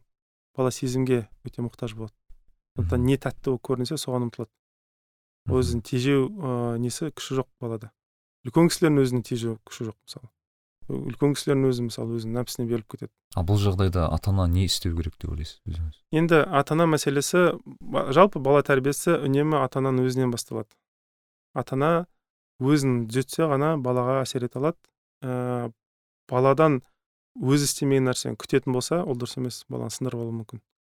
И сыныпта жатыр көп нәрсе. Мен сол бір постыңыз бар еді сол туралы иә мен оқыдым осы жалпы көбіне сіз айттыңыз мына анализ жасап не істеген кезде кішкентай кезінде бір қатты травма алған немесе иә травма алған ыыы жалпы ыыы бұл қалай болады? Енді бір детальді айтатын болсам мысалы бала үшін анасы бір планета жер секілді жер шар секілді. Бір әкесі бір күн секілді. Бауырлар бір ай секілді. Баланың психологиясы жағынан олар өте маңызды рөл ойнайды да. Енді бір елестетіп көріңіздер мысалы адам паркта келе жатыр. И басын көтерді аспанға. Аспанға қараған уақытта айдың айға астероидтың тиіп айдың екі жақ екіге бөлінгенін көрсе не болады? Адам шоши бастайды. Мхм. Жердің мысалы екіге бөлінгенін көрсе немесе күннің екіге бөлініп жарылып жатқанын көрсе мысалы адам шошиды ғой психология жағынан да? Мә ақыр заман болды ма деген секілді. Сол секілді кішкентай балада восприятие дейді ғой қабылдауы сондай болады. Мысалы баланың көзінше ата анасы ұрысты бір бірімен бала үшін ол ауыр. Ол ауыр ондай нәрсені есту көру қабылдау ауыр. Тем более мысалы әкесі анасына қол көтерсе тағы бір нәрсе ол мүлдем ауыр. Ауыр болғандықтан бала не істейді? Іштей ә, дұға жасай бастайды жүрегімен. Ол сознательно болмайды бұл ә, жаңағы сана дұғаның не екенін де білмеуі мүмкін бала иә ол ішінен жүректен бір сезім шығады. Мынаны қайтадан қайтарып берші мынау қайтадан жарылған нәрсе қайтадан болсыншы деген секілді. Ұрыспасыншы жаман болмасыншы деген секілді сондай нәрсе болады да. Сол кезде мынандай нәрсе пайда болады. Ә, бұл енді дұға болғандықтан иә сөзбен айтылмаған бірақ құдай естиді ғой оны. Алла тағала не істейді? Адамға жүрегінде бір қабілеттерді ұсынады. Ол қабілеттер негізі өзінің есімдері алланың есімдері. Ә, мен бірақ қатты детальға кірмей ақ қояйын. Бір қабілеттер ұсынады. Адам сосын өзінің жүрегіне шолу жасайды да кішкентай бала бұл жасап жатқан шолу жасайды. Сосын біреу қаттылықты таңдайды біреу қулықты таңдайды біреу ақылды таңдайды деген секілді. Таңдайды да өзінің менімен жаңағы енді мынау бұзылып жатқан нәрсе қайтадан орнына келмей қойды сондықтан мен бұны өзім түзетем деген ниетпен адамда мен деген нәрсе туады. Вот я деген нәрсе бар ғой. Сұрады мынау түзелсінші ата анам ұрыспасыншы деген нәрсені сұрады бірақ ата ана соның өзінде ұрысып жатыр соның өзінде де жалғастырып жатыр. Сол кезде не істейді? Онда мен өзім бұны түзетемін дейді да адамда бірінші эго туады сол кезде. Эго туады да и ал енді мен эгом не істеу керек қай қабілет арқылы не арқылы мен осыны түзетемін. Біреу қаттылық таңдайды. Ондай бала өмір бойы төбелеседі жүзеді біреу қулық таңдайды. Өте қу болып өседі біреу ақыл таңдайды. Өте көп білім ілім оқиды. Әркім өзін и сол қай қабілет таңдады основной ретінде қабілет таңдады сол қабілет ол адам мінезі болып кетеді. Яғни сол мінездің пайда болуы сол кезде басталады иә. ол мінездің негізі сода. Ол осы set of skills дейді ғой былайша айтқан осы қабілеттердің м жиынтығы арқылы мен мынаны мынаны істеймін мақсатыма жетемін деген сондай бір установка ең басында сол отырады. И бала сол қабілеттерді өмір бойы ұштасады. Қу алдауға тырысады. Ана ақылды таңдаған үнемі кітап оқумен айналысады. Анау үнемі төбелес істеп жүреді. Өзін ұштастырады. Қабілеті ұштасқан сайын оның мені де үлкейе бастайды. Меннің былайша айтқан уақытта андай несі? Мен деген бұл жерде эго ғой. Мен деген ол ә, эго эгодан да бұрын нәрсе мен деген не ол? Мына ә, жаратылыстағы заңдылықтарды өзімше өзгеру өзімше өзгертемін деген ниет. Бұл мысалы ақ еді бұдан былай енді қара болсын. Мынау қара еді енді ақ бағанағы неге кіріп кетпей мысалы адамның былайша айтқанда құдайдың жасаған несіне мен кіремін деген сияқты ма? Білмеймін яғни мысалы әлемді өзгерту деген енді құдай тағаланың несі ғой? Иә. А сен как будто мен десең кәдімгі мен өзгертемін деген сияқты. Иә вот мәселе сода жатыр. Адам мені пайда болған уақытта құдайға деген қарсылық пайда болады ода. Мм. Вот осы жерде конфликт. Иә осы жерде конфликт. Осы жерде реніш басталады адамда. Бұл кішкентай травма ретінде бала кезінде сақталып қойды. Кейін ол травма дән ретінде сақталғандықтан кейін ол өседі.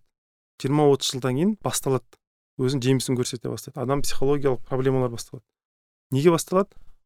Ол сол проблемаларды іздей іздей іздейді зерттейді. Сол кезде ең соңында не нәрсе бар тіреледі құдайына барып тіреледі былайша айтқан уақытта өзіне бірінші ренжиді адам ата анасына ренжиді одан кейін өмірге ренжиді одан кейін тағдырға ренжиді одан кейін ең соңында құдайға барып тіреледі бұл не үшін істелген нәрсе?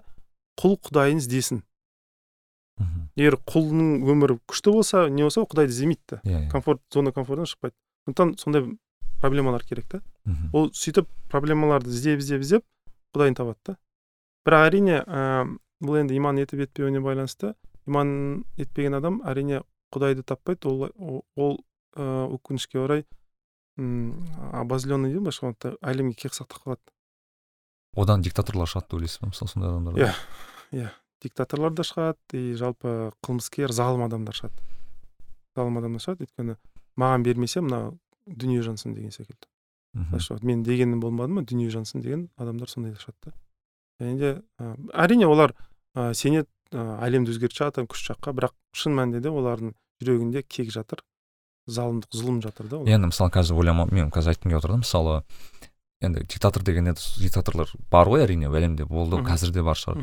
Бірақ ә, менің ойымша диктатор дегенде маған мысалы көбінесе более локальный примерлер келіп отыр менің қазір ойымда мысалы ол отбасында диктатор болуы мүмкін да мысалы иә адам. әрине. Әрине. балаларың деген диктатор болуы мүмкін иә. немесе жұмысында диктатор болуы мүмкін деген иә. сияқты. Ондай көп мысалы өкінішке орай мысалы күйеулері. Көшеде жүріп таяқ жейді да үйге келіп сосын өшін алады ханым болғысы келеді иә өшін алғысы келеді деген секілді ондай өте көп бұл жалпы а сонда қараңызшы диктатор по сути былай қарасақ енді в общем понятие диктатор это иманы енді әлсіз өзіне деген сенімі аз адам болып тұр. Неуверенный адамның ісі ғой былай қарасаң. Иә диктатор өзі өмір бойы жүрегінде қорқыныш ұялаған адам. По сути ол қорқақ адам. иә. Қатты қорқақ болады и сол себепті басқалар қорқыту арқылы ұстайды. Мхм. Мысалы семьясына қол көтеріп постоянно ұрып тұратын адам ол қорқады ертең балам өсіп мен нете ма деген секілді тастап кетеді немесе мені ұрып тастайды. Сондықтан қазір ұрайын қазір басайын сындырайын деген. Сондықтан ә, диктатор жалпы енді залым адам ол қорқ оның тілі қорқу оның сезімі қорқу оның тағдыры қорқынышқа толы үнемі сондай болады. Ол үнемі үрейде жүретін адам. Ол, ол ондай адамдар үшін залым адамдар үшін ә, бақыт деген нәрсе өкінішке орай жоқ ондай нәрсе көрмейді ондай нәрсені ол ә, ләззат көруі мүмкін. Иә. Yeah. ләззат көруі мүмкін бір нәрседен ләззаттанады. Мхм ә, бірақ ә, бақыт деген нәрсе болмайды ондай адамдарда өкінішке орай болмайды. Болмау себебінен де ол жаңағы зұлымын нетеді көп таратады. Бақытты адамдар ондай емес. Бақытты адамдар біреудің бір нәрсесін алып қойғысы келмейді біреуді езіп быт қылғысы келмейді бақытты адам ол тойған адам. Мхм. Ол тойған адам оның барлық ә, жаңағы ішкі дүниесі ожданы барлығы дұрыс орнында. Ол ешкім езгісі келмейді да оның нәрсе керегі де жоқ ол соғысқысы келмейді қырылғысы келмейді. Жай бақытын жаңағы неткісі келеді. А бақыт жоқ адам әрине енді біреудің бақытын алғысы келеді. Маған қызық болып тұр да өйткені мысалы мен жақында нетфликста бір негізгі документалкалар көргенді жақсы көремін әртүрлі темада. Мысалы күшті бір не бар ә, документалка шықты жақында. Ә, как стать диктатором деген. Сондай бір жақсы өте өте кеңес беремін. Андай қылып түсірілген да яғни ә, әрбір былайша айтқанда әлемде болған ең ана лютый диктаторлар болады ғой солардың бәрін алған да вообще қасиеттерін жинай бастаған. Қандай мысалы адам бағана бірінші обозленный болады. Мысалы гитлерді айтады гитлер обозленный адам негізінде. Соғыстан жеңілді көз ана бір химический атакадан бір нәрсе болды потом өмірде недочник болып кетті. Потом еврейлерден өшін ала бастады. Тағы тағы. И одан осындай бір не пайда болады. Осы энергияны не істейді деген сияқты да. Ну мен мынандай нәрсе айтайын. Бұл жерде ә, біраз кейбір нәрселерді стоп жасайтын дұрыс шығар. Неге? Netflix болсын жалпы батыстың беретін ақпараты иә. yeah. біраз критикалық неден қатты өткізілген дұрыс. Мхм оның ішінде саяси да несі де бар андай ә, мақсаты бар. Бір екіншісі м батыс не істейді? Батыс бізге біздің бізге айтатын бір ақ нәрсесі ғана бар. Сендер жексұрынсыңдар а біз күштіміз. Біз сендерге барлық нәрсе үйретеміз. Бізге келіңдер. Бізден сұраңдар. Придите я вам научу деген сияқты иә сондай нәрсе. Батыстың ғасырлар бойы айтып келе жатқан осы. Сендер адам емессіңдер вы недолюди. А біз люди деген секілді сондай нәрсесі бар да? Сол себепті ә, батыстың не, не нәрсесін қарасаңыздар ә, всегда андай немен жүреді. Ә, сондай бір нәрсе көрсетеді да өзінің кем жақтарын жақсы жасырады бірақ біздің мысалы қателіктерімізді нелерімізді басып береді. Вот сендер осындайсыңдар сендер жаңағы қорадан шыққан біреулерсіңдер деген секілді. Мхм сондықтан бұл жерде айтқым келетін нәрсе м иә ол диктатор туралы айтуы мүмкін. Мхм бірақ ол жерде намек жатыр да. Вот сендер де осындайсыңдар ғой деген секілді а бізде ондай диктатор вот я, мен что хотел сказать вот yeah. бес алты серия болады и соңында бүйтіп разбор жасайды да әрбір адамды и в итоге андай заключение келеді что әрбір адамның ішінде диктатор бар дейді да негізінде. Сондай қылып келтіреді да мен подумал типа насколько это дұрыс та ол ондай посыл беру жалпы негізі да, конечно дұрыс емес. Бұл не деген сөз? Ә, олар ә, диктатураны оправдывает деген сөз. Мхм енді барлығымыз күнәһармыз енді. Жарайды енді біреу көбірек күнә жасады бізде онда тұрған не бар деген секілді ғой енді. Бірақ ә, бұл ә, жалпы қалай десем екен? Адамды хайуандастыру иә иә. животный бір не шығару иә. сен хайуансың сен тек қана бір енді өзгешелігің бар енді а так сен сол хайуан жасайтын нәрсені істейсің деген сияқты. Бұл адамның құндылығын түсіреді қатты түсіреді. Құндылығын түсіреді. Во первых во вторых енді рас мен хайуанмын значит мен маған заңдылық керек жоқ деген нәрсе келтіреді да. Бұл анархия болып кетеміз иә анархия болып кетеді. Бұл ә, либерализм демократияның уродливый жағын көрсетеді да. Жалпы демократия ә, дисциплинасыз демократия наоборот жаман. Дисциплинасыз демократия демократия жаман. Өйткені бір мақсат болу керек сол мақсатқа жету жолында бір принциптер қойылу керек. Сол принциптердің сыртына шықпай ішінде демократияны сақтау керек. Сол кезде дұрыс болады. Бірақ егер демократия деп алып барлық нәрсені тойран қылып сындырған барлық заңдарды сындырған мысалы да? Ол дұрыс нәрсе емес. Мысалы ә, не не айтатын болсақ ә, қалай айтсам екен? Эгоизм или нарциссизм дейді ғой былайша айтқан уақытта. Соны өкінішке орай батыс ә, демократия болып келеді. То есть адам өзінің эгоистический жаңағы мақсаттарында ә, свобода слова дейді да сосын алады да өзінің жаман несін боғын алады да басқа біреуге жаққысы келеді да мысалы. Ол дұрыс нәрсе емес. Ә, и ондай нәрсе мен өз басым келіспеймін.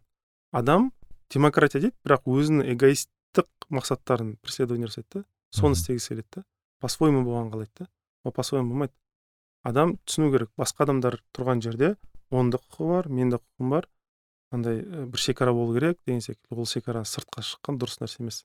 Ешкім ешкімді езуге андай құқығы жоқ. Бірақ өкінішке орай адам демократия деп айтып алады бірақ соның сол сөзді қолданып басқа біреуді езуді мақсат етеді да. Мхм. былайша айтқан уақытта. Ол дұрыс бұл анда неге кіріп кететін сияқты? Адамның ақысы деген зат қатты иә әрине адамның ақысына да кіреді ә, жалпы көп бүлік шығаратын нәрсе ол. Мхм. А жалпы сіз ойлайсыз ба мысалы елде енді қазір біз жас мемлекетпіз дұрыс па? Енді бізде енді қағаз жүзінде демократиялық мемлекет дейміз бірақ енді по факту құдай біледі қандаймыз бірақ елде толыққанды демократия бола алады деп ойлайсыз ба мысалы? Ә, былай айтайын. Қалай десем екен? Қазақ халқы да эгоист болып кеткен. Қатты эгоист болып кеткен. Өзін ғана ойлайды. Өзін ойлайды. Ә, и өзін ойлаған адам мысалы ә, мынандай нәрсені айтайын. Ә, мен саясатқа байланысты темаларды қозғамаймын негізі. Оған еш нем қатысым болғанын қаламаймын өз басым ойламаймын бір халықтың саяси жолмен дұрысталады деген нәрсеге сенбеймін мен. Халық ә, дұрысталу жолы ол білім. Білім мысалы мен мынандай нәрсе айтайын. Бір мұғалім өзінің еліне көбірек көмек ете алады. Бір саясаткерге қараған уақытта он жиырма отыз бәлкім жүз саясаткердің жасайтын ісіні ісі бір мұғалімнің жасаған ісіне татымауы да мүмкін. Иә бәлкім кейбір адамдар мені бұл жерде нетпеуі мүмкін келіспеймін анау мынау бірақ менің өз басым ойым сол. Сондықтан мұғалімдер менің көзімде ә, көбірек орын алады. Шын айтайын. Жоғарырақ жоғарырақ иә. Өйткені олар шынымен де бір адамның өмірін тағдырын әсер ететін шынымен де көп нәрсені істейтін адамдар да олар. Өкінішке орай ә, енді біздің елімізде мұғалімнің рөлі өте төмен. Төмен болғандықтан біз немқұрайлы қараймыз? Бірақ шетелде мұғалімдердің деңгейін көтерген мемлекеттер күшті дамыған мемлекеттер. Мхм. Сондықтан ә, айтқым келетін нәрсе мынау. Жалпы саясатпен өзгереді деп ойламаймын. Өмір ә, мемлекет бұл бір. Екіншісі ә, қазақ халқы өте эгоистті эгоист болғандықтан жете алмағандықтан бір нәрсеге басқалар кінәлайды. Оның ішінде мемлекетті де кінәлайды. Бағана бірінші кінә деген бағана иә. кіріп кетті ғой басшыларды да кінәлайды анау кінәлайды. Ол нәрсе мен өз басым қарсымын? В каком плане қарсымын? Ә, кінәлай кінәлай адам егер өзі еш нәрсе істемей қойса ол дұрыс емес. Ол не істеу керек? Өзінің өмірін өзгертсін өз бір нәрсе істеуге тырыссын өзі еңбектенсін мысалы. Какая разница ә, басқалар не дейді басқалар не ойлайды? Егер адам өзі бақытты болғысы келсе ол жаңағы жағдайын жасауды тырысу керек. Бұл бір. Екіншісі көбіне қазақ халқы андай ответственность дейді ғой былайша айтқан уақытта жауапкершілікті өзіне алғысы келмейді. Бір нәрсені құртып алады сол құртып алған нәрсесін мойындағысы келмейді мен құрттым ау деген секілді. Анау себеп болды мынау себеп болды. В общем қашады да жүреді әйтеуір сол жер бір жаман. И эгоизмнің кесірінен қазақ халқы андай нәрсені өзінің тарихи бұрын былай айтайын мысалы құнанбайды алайықшы. Yeah. Иә. абайдың мысалы әкесі құнанбай иә. Ә, бұрын ә, тарихи кітаптарды оқитын болсақ былай дейді. Егер қазақ халқынан біреу қажыға барғысы келсе құнанбайға барады екен. Қажылыққа барғысы келсе құнанбай не істейді екен? Қажылық жолын сапарын барын көтеруге тырысады екен. Меккеге барып мысалы жаңағы отель салды дейді иә? Иә. Неге салды? Біздің қазақтар сол жерде қонақ болсын деген секілді ә, қазір ондай адамдар бар ма? Мен білмеймін. Бәлкім бар мүмкін бар шығар мүмкін бар шығар бірақ бізге сондай адамдар керек. Өзі жылап отыра бермейтін өзгелердің проблемасын шешуге дайын адамдар керек. Сол кезде адамның потенциалы ашылады. Адамның потенциалы өзін қамтамасыз ету арқылы ашылмайды. Адамның потенциалы ашылмайды. Жоқ ашылмайды. Простой пример келтірейін. Мысалы үйде отыр адам иә? Үйде отыр. Ә, қонақ келеді не істеп қалады. Не істейді? Үйін жинай бастайды. Неге бұған дейін үйін жинаған жоқ? Мм. Себебі оның ішіндегі потенциалында күш қонаққа арналған күш еді. Өзіне берілген күш емес еді. Адам өзіне байланысты потенциал шығара алмайды. Неге мысалы жас келіншек жеті сегіз сағат алты сағат ұйықтайды? Бірақ бала туғаннан кейін екі үш сағатқа да қанағат етіп жүре алады. Қайдан ол күш пайда болды? Ол баланың рискі. Әйелдің ішіне салынған потенциалдың белгілі бір бөлігі баланыкі негізі. Мм мысалы алма ағашы. Иә. Алма береді. Бір өзінің алмасын жемейді ғой. Табиғатта жалпы өзінің ә, несін андай еңбегінің былайша айтқанда жемісін ә, жануарлар жемейді. Басқалар нетеді да адамда сондай нәрсе болу керек. Адамның потенциал енді бақара сүресінің үшінші аятында айтылған. Не дейді? Мұнтақиндар тақуа иелері олар дейді бас, біз берген нығметтерді дейді алла тағала басқалармен бөліскендер дейді. Деген сол ғой иә бас, басқамен бөлісу бөліскен уақытта потенциал ашылады адамда. Бөліспесе өзін ойлайтын адамның потенциалы ашылмайды. Еш ашылмайды. Неге? Өйткені түпкі мағынада психологиялық жағынан бізде бір ақ установка тұр. Менің мысалы допустим бір жүз пайыз дейікші мен потенциалым. Оның бір ақ пайызы ғана маған керек негізінде. Мен бүкіл жүз пайыз процентін қолданбаймын. Қалған тоқсан тоғызын қалай шығару керек? Басқалармен бөлісу керек. Барлығы сөйтіп істеген уақытта сол кезде дұрыс болады. Мхм. Ә, и андай нәрсе да андай. Бірақ бір шарт бар. Қандай шарт? Ә, кімге потенциалымды беруім керек мәселесіне келген уақытта? Бұл потенциалды қадірлейтін біреуге беру керек.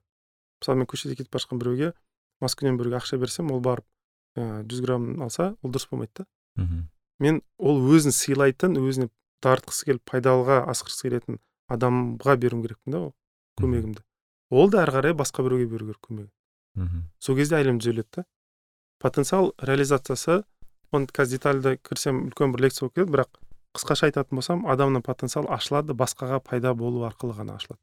Мхм мысалы өзім туралы айтайын мысалы подкаст бастадым а не инстаграм телеграм нелер бастадым. Басқа адамдарға білімді бөлісемін деп не істеймін мен де іздене бастаймын. Мен де бір нәрсе істеуге тырыса бастаймын. Сол секілді нәрсе ол. Сондықтан ә, адам ә, басқалардың басқалар қалай пайдалы боламын ана адамның өміріне қалай пайда боламын деп ойласа ол дұрыс болады. Иә жолда қателесу мүмкін бір нәрсені құртып алу мүмкін бірақ жалпы айтқан уақытта адам басқаларға пайдалы болу жолын қарастыру керек. Сол кезде ғана адам өзінің потенциалын аша алады бірақ менде осы жерде бір сұрақ бар да. Мысалы бізде қазір әсіресе енді біз инстаграм бағанағы қауым қауымдастықтың ішіндеміз ғой енді былайша айтқанда. Сіз де инстаграм жүргізесіз мысалы. Мм бәрінің мысалы енді әсіресе блогерлар деп айтайық енді тырнақша ішінде. Бәрін айтатын мен полезный контент бағанағы бірнәрсе контент мындай мындай контент дейсің бірақ кейде ашасың бірақ қай жері полезный деп ол полезный деген зат не деп түсінеді. Яғни маған андай болып көрінеді да бұл жер. Адамның шын ниетіне байланысты деген сияқты. То есть кейбір адамға шынымен де ниет пайдалы болса как то білінетін сияқты да мысалы как то. Мынандай нәрсе енді әркім адам өзі не нәрсе тырысады не, не нәрсе талпынады сол нәрсе оған нәсіп болады деген не бар да аят бар да? Иә. Сол секілді а, егер адамға хайп керек болатын болса әрине ол бір дешевый андай бір болмайтын бір контент шығарады да ол. И сондай дешевый контентті іздеп жүрген адамдармен бірге жүреді мхм оның подписчиктері сондай болады. Стоящий контент іздейтін ойланғысы келетін өмірін өзгергісі келетін адамдар болса олар сондай контент іздейді. Жалпы осы жаңа айтқанда екі күн бұрын он мыңға жетті ғой. Сол кезде бір жағынан қуандым. Не, не себепті қуандым? Ә, адам саны көбейгендіктен емес. Жалпы қазақ халқында ә, ойланғысы келетін адамдардың саны аз емес екеніне қуандым. Мхм шын айтайын біздің елде он мың адамның енді примерно дейікші он мың адамның иә жалпы ә, өзін ойланғысы келетін өмірін өзгерткісі келетін басқа біреуге пайдалы болғысы келетін ә, осы әлемнің қазақ халқының проблемаларын шешкісі келетін адамдар саны хотя бы бір он мың адам болғанда мен шын айтайын іштей қуандым. Мхм ә, мен өз басым андай таргет реклама смм деген нәрсе қатты сене қоймаймын. Yeah. неге? Себебі ә, қанша жерден адам жинасаң да бірақ егер ішінде өзінің қалаушылығы болмаса ол адам келеді көреді кетеді. Мхм. Егер қалаушылығы бар болса ол өзі оқиды басқаларға да көрсетуге тырысады. И өзі секілді адамдардың арасында жүреді бұл контент. Мм былайша айтқанда пайдалы болғысы келетін дамығысы келетін маған жақында бір кісі айтып еді ыыы мысалы подка біздің подкаст сіздің подкастын мысалы тыңдаған айтады мен тыңдадым дейді да. И андай бір не болды дейді да ана ощущение мен таптым и бір бөліскім келмейді дейді да уже мен өзім тыңдасам екен деген сияқты. Сондай бір нені айтты да қызық. Иә. яғни адам мысалы көп ненің ішінде бір иә. бір изюминканы өзіңе бір тауып алсаң иә. и ол андай бір хайп ана таргет ештеңке Иә. жібермей ол вообще типа андай бір андерграунд десе сондай бір адам зат болса. Енді подкаст сондай мысалы өйткені подкастты иә. Большинство адам тыңдамайды негізінде. Расын айтқанда өйткені қазір тыңдап отырған халық болса ол көбіне дамығысы келетін тыңдай алатын осындай ұзақ әңгімені де тыңдай алатын адам керек қой мхм. негізінде бағана ол да рас бірақ мынандай нәрсе де бар. Бізде өкінішке орай ерлік дейді ғой былайша айтқан уақытта. Адамға бір баға беріп қояды да и сол бағаны өзгерткіміз келмейді. Мысалы мынандай нәрсені бір рет қонақта отырамыз. Сол кезде анам да отырды да. Сол кезде бір қарындасым туысым менен сұрақ сұрады. Үлкен корпорацияда жұмыс істеуге бола ма деген секілді бұл оқиға бір алты ма? Алты емес. Бір жеті жыл бұрын болды ма? Есімде жоқ.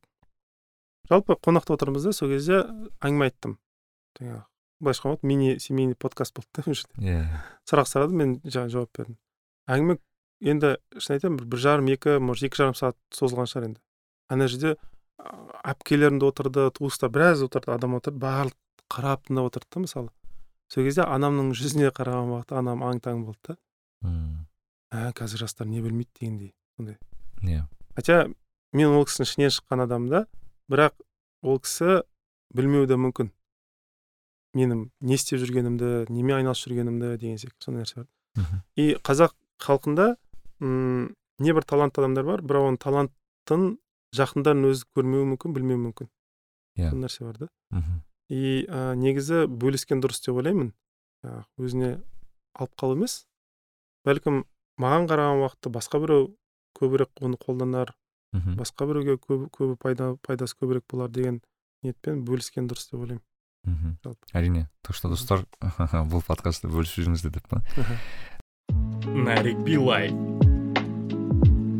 тәке сізде бір екі пост бар екен да. Сіз обычно былай жазасыз мысалы бір пост болса бір екі хотя бы түсіндірмесін жазасыз бірақ бір екі посттар бар сіз тек тайтлын қалдырғансыз да. М, кейін адамдар там комментте бүйтіп жазып бүйтіп сұрағанда соның біреуі ам, мынандай сұрақ жазыпсыз да тебя так сильно никто не мучил как ты сам себя деген сияқты яғни сенен басқа қатты қиын ешкім қинаған жоқ. Иә ондай нәрсе бар. Ә, өкінішке орай көп адам мысалы таңертең тұрады ә, ұнатпайтын жұмысына барады. Ұнатпайтын көлікке отырады автобусқа тағы бір нәрсеге. Ұнатпайтын маршрутпен мың рет жүрген маршрутпен жүреді. И осы кездерде не істейді? Ә, өзін көп жейді. Өзін не үшін жүрмін деп па неге? Иә осы неге осы? Отыратын бір автобусым сол жүретін жолым сол істейтін нәрсем сол ішетін шайым сол деген секілді өзін жейді. А сол жеудің себебі жаңағы энергия туралы айттық қой. Өзін жегендіктен қатты азып кетеді. Қатты шаршайды жүреді и ә, мотивациясы жаңағы амбициясы ну, нөлге өте жақын болып жүреді. Өте жақын болып жүреді. Ә, бұл неге олай болды? Әрине бұл балалық шақтан басталған нәрсе. Оны ата анасы жеген туыстары немесе жаңағы мұғалімі мектепте біреулер жеген. Сол нәрсе оған ә, жабысып қалған ол да былай түсінген. Егер мені мынандай нәрсе бар мысалы ата ана мынандай бір сөз бар. Егер балаңа ұрыссаң дейді. Балаң сені жек көрмейді дейді. Бірақ ол өз өзін жек көре бастайды. Неге мен сонда ата анаға сай келмедім деген секілді сондықтан ә, бұл бала кезден пайда болған нәрсе жаңағы дәні салынған жиырма отызға келген уақытта ә, соның несі жемісі шығып жатыр да адам өз өзін ұнатпайды сүймейді. Қабылдамайды. қабылдамайды иә. Өйткені жақындары өзі кімді сүйді? Мысалы ата анасын сүйсе ата анасы оны қабылдамаған ә, үнемі көршінің баласымен салыстырған езген бүйткен сөйткен. Ата ана айтуы мүмкін енді жақсы не істейін енді жақсы оймен деп айтуы мүмкін бірақ егер мен досым жақсы досым жақсы оймен келіп шайыма у салса мхм. бәрі өлемін да мен. Кейбір Иә. заңдылықтар бар да оны ешкім ешқашан өзгерте алмайды. Сондықтан адам оң солын біліп біраз мейірімді болған дұрыс та негізі. Мхм. особенно өзінің өзінің ішінен шыққан балаға. Мейірім өте ал маңызды мысалы қараңызшы алланың есімдері бар дейсіз ғой. Бар ғой енді. Соның ішінде мейірім несі бар? Иә. мейірім аударса болады шығар енді бірақ. Рахман рахим рахман рахим иә. Мгм. М, просто маған десең кейбір адам мен айтып ойлаймын енді әрине әрқайсы адамға әртүрлі сет оф скиллс беріледі. Мен мысалы болады да кейде ощущение бір адамға бір мейірім просто берілмеген сияқты бір болады да. Сондай бар ма жалпы? Ә, жоқ ондай нәрсе жоқ. Мейірім берілген. Просто адам ол мейірімнің бар екенін білмейді. Бар екенін білмейді ә, байқамайды. Эгоизм көзін жауып тастаған. Деген нәрсем болмады дейді да бүкіл әлем жек көреді. Оның көзінде бүкіл әлем жаман. Адам ә, ол шайтанның жолы сондай. Шайтан солай. Бір нәрсе болмады деді да бүкіл әлем жаққысы келді. Әлі жағып жүр әлі нетіп жүр сондай ол. Іші тар жалпы қазіргі адамзатта адамдардың көбісінің іші тар шынымен де тар. Бір түкірсе сол бір түкіріктің ішінде батып кетеді да адам. Пайғамбарларды алатын болсақ алейхисаламдарды немесе сахабаларды алатын болсақ радиаллаху олар не істеген олардың көңілі өте кең. Жамандық жасалса да ә, қабылдай алған жер секілді болған да былайша айтқан уақытта жерге мусор төгеді бірақ гүл береді дейді сол секілді болған да ондай тұлға болу конечно енді әрине қиын біреулер айтады ой оған қалай жете аламыз анау мынау деген сияқты. Онда сондай адамдардың өмірбаяндарын оқыңыздар деп айтамын мен. Олардың істеген бір хотя бы әрекетін істеуге тырысыңыздар. Бәлкім болмаса ұқсап демекші адам тырысса енді болады ондай нәрсе. Просто өзің өміріңді өзгертпесең кім өзгертеді енді? Енді шынымен де келетін болсақ адам маған да келеді мысалы ыыы андай консультация келеді кейбір адамдар немесе личкаға жаңағы жазады инстаграмда болсын ватсапта болсын жазады или телеграмда. И кейбір нәрселермен келіспейді. Айтады мен келіспеймін. Иә мысалы мынандай мынандай келіспеймін дейді. Жалпы былай ғой енді адамдар негізі қызық. Бұны айтқан дұрыс па дұрыс емес па мысалы комменттерде жазады. Ә, критика мақсатымен дейді да бірақ өзінің ә, бір нәрсесін ә, былайша айтқанда менің сөзімді жамандау арқылы өзінің абыройын көтергісі келеді. Иә ол бар зат. Иә. Сөйтеді да бірақ сол адам сол адам личкаға жазады сіздің оқушыңыз, оқушыңыз болсам бола ма? Дейді қалай болды сонда дейсіз ғой? Сосын ойлаймын да. Ол бір емес ол болып тұрады сондай нәрселер. Сосын мен ойлаймын қызық бұл деген секілді. Ә, бір оқиға болған екен ә, қателеспесем мұса алейхисалам білмеймін бір пайғамбармен болған бір оқиға атын айтпай ақ қояйын. Ә, жалпы ол пайғамбар бір адамды имансыз бір адам бар екен да қырық па алпыс жыл ма енді біраз жасы келген кісі сол кісінің имансыз екенін көреді да ә, сол үшін ренжіген екен. Ренжи ма или өзінен алыстатқысы келеді жаңағы адамды сен құдайға сенбегендіктен деген секілді сол кезде ә, а жоқ былай қонаққа шақыру керек бола ма? Қонаққа шақырмаймын сондай бір нәрсе жасайды. Иман етпегендіктен шақырмаймын сондай бір нәрсе болады. Сол кезде алла тағала айтады екен неге олай істедің? дейді. Айтады енді ол саған иман еткен жоқ қой дейді. Сол кезде алла тағала айтады мен дейді оның ризқын дейді қырық жыл бойы беріп келе жатырмын дейді. Ол маған иман етпеуі мүмкін менің жерімді басуы мүмкін менің күнімнің сәулесін алуы мүмкін менің суымды ішуі мүмкін менің ризығым тамағым бұны нетуі мүмкін бірақ мен бәрібір оны қаққан жоқпын дейді мен оны жараттым мен оны жаңағы мейіріммен нетіп келе жатырмын дейді да сондықтан бұны шақыр дейді жаңағы жерге иә пайғамбар алейхисалам барады да шақырады енді ана кісі айтады сен мені неге шақырдың басында шақырғың келген жоқ кейін неге шақырдың дейді да сосын айтады вот алла тағала маған осылай осылай айтқан еді дейді да и жаңағы кісі тұрады да ля иляха иллах деп жаңағы иман етеді рас мені сөйтіп алла тағала нетті и адам сол нәрсені естуге мұқтаж болған ғой видимо. Иә қырық жыл бойы. Да. И жаңағы жазған адамдарға мен ойлаймын енді құдайының беріп тұрған ризқын жиі жиі құдайға қарсы шыққан адамнан не сұрайсың деймін да? Конечно ол былай жалпы алған уақытта коммент неше түрлі жаман нәрсе жазуы мүмкін. Оскорбительный тағы бір нәрсе. Бірақ личкаға келіп сосын оқушым былай істейді да. И ойлайсың да мә қалай істейді бірақ ол бала келген күннің өзінде қалай сөйлеседі деген сұрақ қой бұл жерде бұл енді мынандай нәрсе бір тактика бар. Қандай тактика? Егер адам үлкен нәрсені құра алмаса аты шығу үшін не істейді? Үлкен нәрсені құртқысы келеді. Мм атын шықпаса жер деген иә сол иә сол. Сондықтан конечно келеді да якобы бір критикалық мағынада мынаны түзетемін дейді да бір шайтан тыңдап алады да шайтан айтады ей қарасайшы мына жерде қателесті ол. Айтады мына хадисте басқаша айтылған аятта басқаша айтқан ол білмейді ана түсінбейді вот сен білесің давай бас дейді да. Ол соны тыңдап алады да келіп басады. Өзінше бір нәрсе өзгертемін деген секілді. Бірақ ә, дін тілмен таралмайды ғой. Дін іспен дін тілмен таралмайды. Дін ниетпен таралады. Ниетпен? Иә. Ниет алламен келісім шарт. Екіншісі амалмен. Соған сай амал жасау керек. Бірақ тілмен таратылмайды. Мысалы ә, мына контентті адамдар неге оқиды? Ол ә, ондай нәрсені себебі енді бұл өзім туралы айтқан дұрыс емес негізі но мына нәрседен бұл контенттен жазылған нәрсе мен өмірімнен алынған нәрсе. Басқа адамдардың жаңағы консультация келген адамдардың өмірінен алынған нәрсе. Бұл өмірден алған нәрсе. Бұл орыстар айтады ғой выстраданный дейді ғой қайғымен шыққан нәрсе шын айтайын. Кейбір жерде шынымен де адамдар келеді. Мысалы келеді ә, бір келіншек келеді. Ә, кеше ғана жаңағы күйеуінен таяқ жеген. Бет аузы ісіп келеді мысалы. Жаңағы қол көтерген ғой енді. Иә. Отырады. И ә, ана жанымда бір салфетница болды да. Мен салфетницамен бет жылжытқым келді. Әйел соншалықты енді удар беттен ала берген ғой. Мен салфетница қолын созып салфетницаны бүйтіп шошып кетті шошып кетті бүйтіп прям. Мына жаққа қарай бүйтіп майысып кетті да. Мені оның шошқаны мен шошып кеттім да. Бір түрлі да мысалы. Сондай келіншектер де келеді мысалы. Жаңағы бала кезінде көп зорланған мысалы сондайлар да келеді. И қарайсың да бұның барлығына? Ай. Сондай нәрсе болмаса екен дейсің да? Әрине. Соның консультациясынан бір нәрсе туады. Жаңағы пост туады. Иә. Сосын келіп постқа саламын сол себепті ол адамдар әсерлі. Өйткені ол біреудің қайғысы да. Мұңы қайғысы. Ол адам қайғырып жүрген туыстар да білмейді. Иә. Мысалы кейбір келіншектер бала кезінде зорланған ешкім білмейді ешкім білмейді. Маған айтады ағай тек қана сізге айтып тұрмын дейді да болды басқа ешкім білмейді ата анасы да білмейді ешкім білмейді вообще вообще вообще ешкім білмейді и ойлайсың да откуда енді соншалық залымдық зұлымдық? Бірақ енді өкінішке орай бар енді ондай нәрсе. И соответственно мен де посттар жазған уақытта сондай адамдардың өмірінен алып жазамын да. Сол иә. себепті ол әсерлі болады. Менің ойымша ше вот маған деген өте бір орысша айтсам удивительно да мысалы қараңыз. Кейде текст деген ол құр былай қарасаң.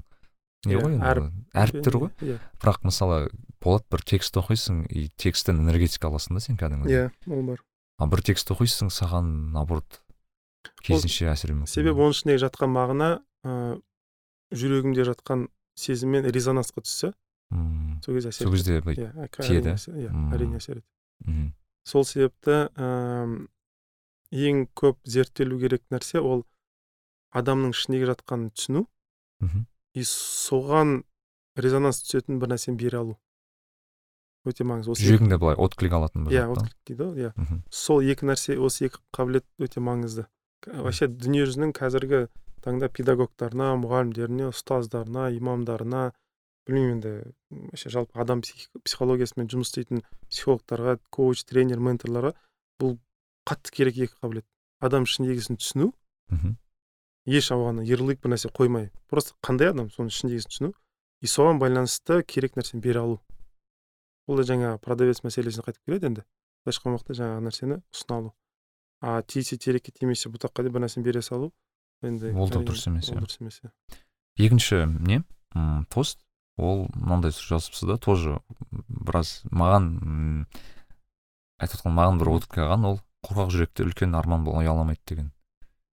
Иә өкінішке орай ұяламайды. Ыыы неге? Өйткені фобиялары бар адам қалай істейді қалай көтереді? Үлкен дүниені үлкен бизнесті үлкен карьераны ыыы мысалы проектілерді қалай көтереді? Өзі қорқақ. Қорқақ дегенде именно өмірден қорқа ма өзінен қорқа ма? Қандай қорқақтық айтты жауапкершіліктен қорқады. Біреудің ә, оған ә, қалай айтсам екен?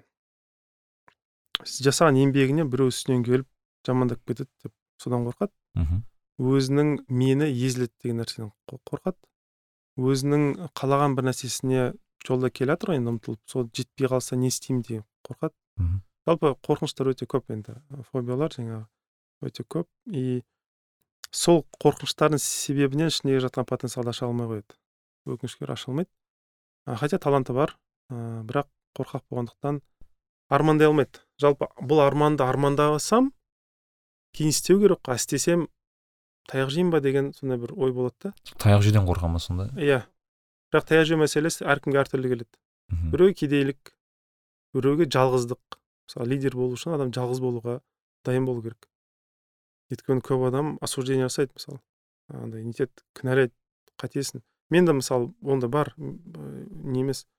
Ә, таныс біраз адам бар. Ә, мен мысалы инстаграм ашқалы м қалай десем екен? Маған қарсы шықты деп айтпай ақ қояйын бірақ менімен араласқысы келмейді. Мм араласқысы келмейді. Неге? Неге? Өйткені ә, мені қате жасап жатыр деп ойлайды. Қате жасап жатыр дұрыс жасамай жатыр деп ойлайды. Мхм. Ә, қалай десем екен? Ну олардың мировоззрение былайша айтқан олардың ойына салатын болсақ мен бір қате жолдамын негізі. Ә, қате нәрсе істеп келе жатырмын. Ә, ең соңында бұның бұл мәселе қатемен бітеді деп ойлайтын адамдар да бар. Иә. Мен хотя ол адамдармен бір, на, бір нан бөліскен адаммын ол адамдардың бәлкім жиырма жылдай танимын мысалы. Бірақ өкінішке орай ә, сондай бір суықтық бар. Бірақ бір жағынан да былай ойлаймын. Егер если не попробовать енді мен тоже өкінесің да? Иә. Андай бастамасаң тоже өкінесің бір жағынан бұл бар. Екіншісі енді барлығына аян енді қазақ халқының проблемасы өте көп. Өте көп. Енді бұны біреу шешу керек қой. Мен айтып тұрған жоқпын мен бір андай бір шеше алатын бір адаммын деп. Иә. Бірақ ә, жаңағы инстаграм болсын жаңағы видеоларым болсын ютубта басталу себебі де содан болған. Үмітім бар бәлкім қазақ халқынан ә, қазақ халқын көтергісі келетін жастар андай дамытқысы келетін бұны жақсартқысы келетін жастар бәлкім ойлана бастайды. Бәлкім ә, адамдар мысалы бір стөл бір столға мысалы да имам да психолог та ә, жаңағы саясаткер болсын мұғалім болсын ата ана болсын бала болсын бар бір отырып бір ақылдасатын шығар бәлкім деген үмітім бар. Мен бір ә, қазақ халқының ішінде бір диалог болса екен деп армандаймын. Өйткені ә, бір бірімізді түсінбейміз бір бірімізді ойламаймыз. И диалог болған қатты қалаймын. Бірақ бұл диалогты біреу бастау керек еді. Біреу бастау керек еді психология туралы бір нәрсе айтатын дін туралы бір нәрсе айтатын социология тарих туралы бір нәрсе айтатын біреу бастау керек еді. Мен айтып тұрған жоқпын андай келешекте бір лауазым бір жерге жетейін бір нәрсе істейін. Просто бір толчок болса диалог басталса адамдар ойлана бастаса ә, мысалы исландияда болған исландияда болған не пример. Халық алдыда өз өзін дұрыстауға тырысты бір үлкен веб сайт ашты. Сол веб сайтта бүкіл исландия халқына керек бүкіл проекттерді заливать етті да. Мысалы мынау керек мынау керек мынау керек деген сияқты. И сол сайтта не істеді? Адамдар талқылай бастады. Может бұны былай істейміз может былай істейміз деген секілді. Мен өз басым ойлаймын жақсы нәрсе да мысалы. Қазақ халқында проблемалар көп қой. Бірақ әркім әр жерден айқайлай береді да оны. Біреу тіл дейді біреу дін дейді біреу анау иә ал егер бір сайт болса или бір площадка платформа болса ол жерде адамдар жиналып проблемалар айтса мен ойламаймын мысалы ә, психологтар діннен түсінеді деп или діндар адамдар психологияны түсінеді деп қатты. Бірақ түсінуі керек негізі. Сондықтан отырсын бір біріне сөйлессін. Имам не дейді психолог не дейді анау не дейді бір бірімен араласса жан жақты нетсе жастарымызға да бір ориентир берсе мысалы. Жақсы нәрсе ғой. Өйткені енді мемлекет тырысады әрине. Жастардың сыртқа шетелге кетпеуіне там болашақ программасын жағдайын жасайды анау жасайды мынау жасайды. Бірақ мемлекет енді әркімнің артынан жүре алмайды ғой сен бүйт сөйт деген секілді. Мхм. Сондықтан халық өзі де бір нәрсе істеуге тырысу керек та енді. Иә. Тек қана бизнес жасайық анау мынау ғана емес. Жалпы халықты бір көркейтейік деген ой болу керек та мен өз басым ойлаймын мысалы қазіргі алаш қайраткерлеріміз мысалы кезінде болған қазіргі заманда тірі болса не істер еді? Отырар ма еді біз секілді? Дүние қуып бәлкім наоборот олар ойланар еді ізденер еді бір бірін сөйлесер еді. Оларда тоже диалог болды ғой мысалы бір бірімен сөйлесті талай нәрсені талқылады нені қалай істейміз деді мысалы. Мхм. Соны бір ізденетін адамдар керек та бір площадка керек. Өте маңызды ә, диалогсыз болмайды. Ә, обмен идей дейді ғой былайша информационный соцсеттерге қараймын фейсбук болсын басқаларында болсын. Адамдар көп жазады бірақ жамандау мақсатында жазады да. Проблеманы айта береді жаман жаман анау жаман мынау жаман мемлекет жаман анау бүйтті анау ұрлады анау бүйтті сөйтті мен анау не жамандай кейде мысалы бізде шетелге көшіп жатқан қазақтар көп көшіп кеткенде де мысалы бір жігіт там ә, шетелде бір компания ашады немесе шетелде бір мықты бір лауазымға бір жерге тұрады деген кезде енді негізінен мақтану мақсатымен енді халықтың бір еңсесін көтеру мақсатымен кейде жазады ғой мысалы казахстанец там мынаны жасады деп и артында комменттарды оқысаң иә ол сразу ғой прям типа а ол вот смотрите мысалы елде жоқ кетіп жатыр анау.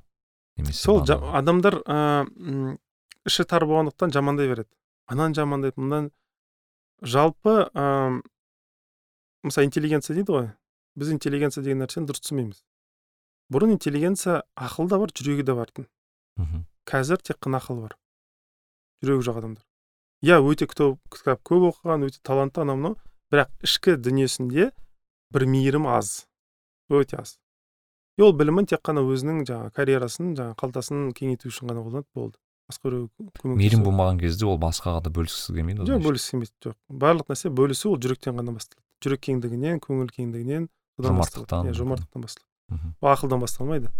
Сондықтан ыыы өкінішке орай соцсеттерге анаған қарасаң бәрі бір бірін кінәлай береді.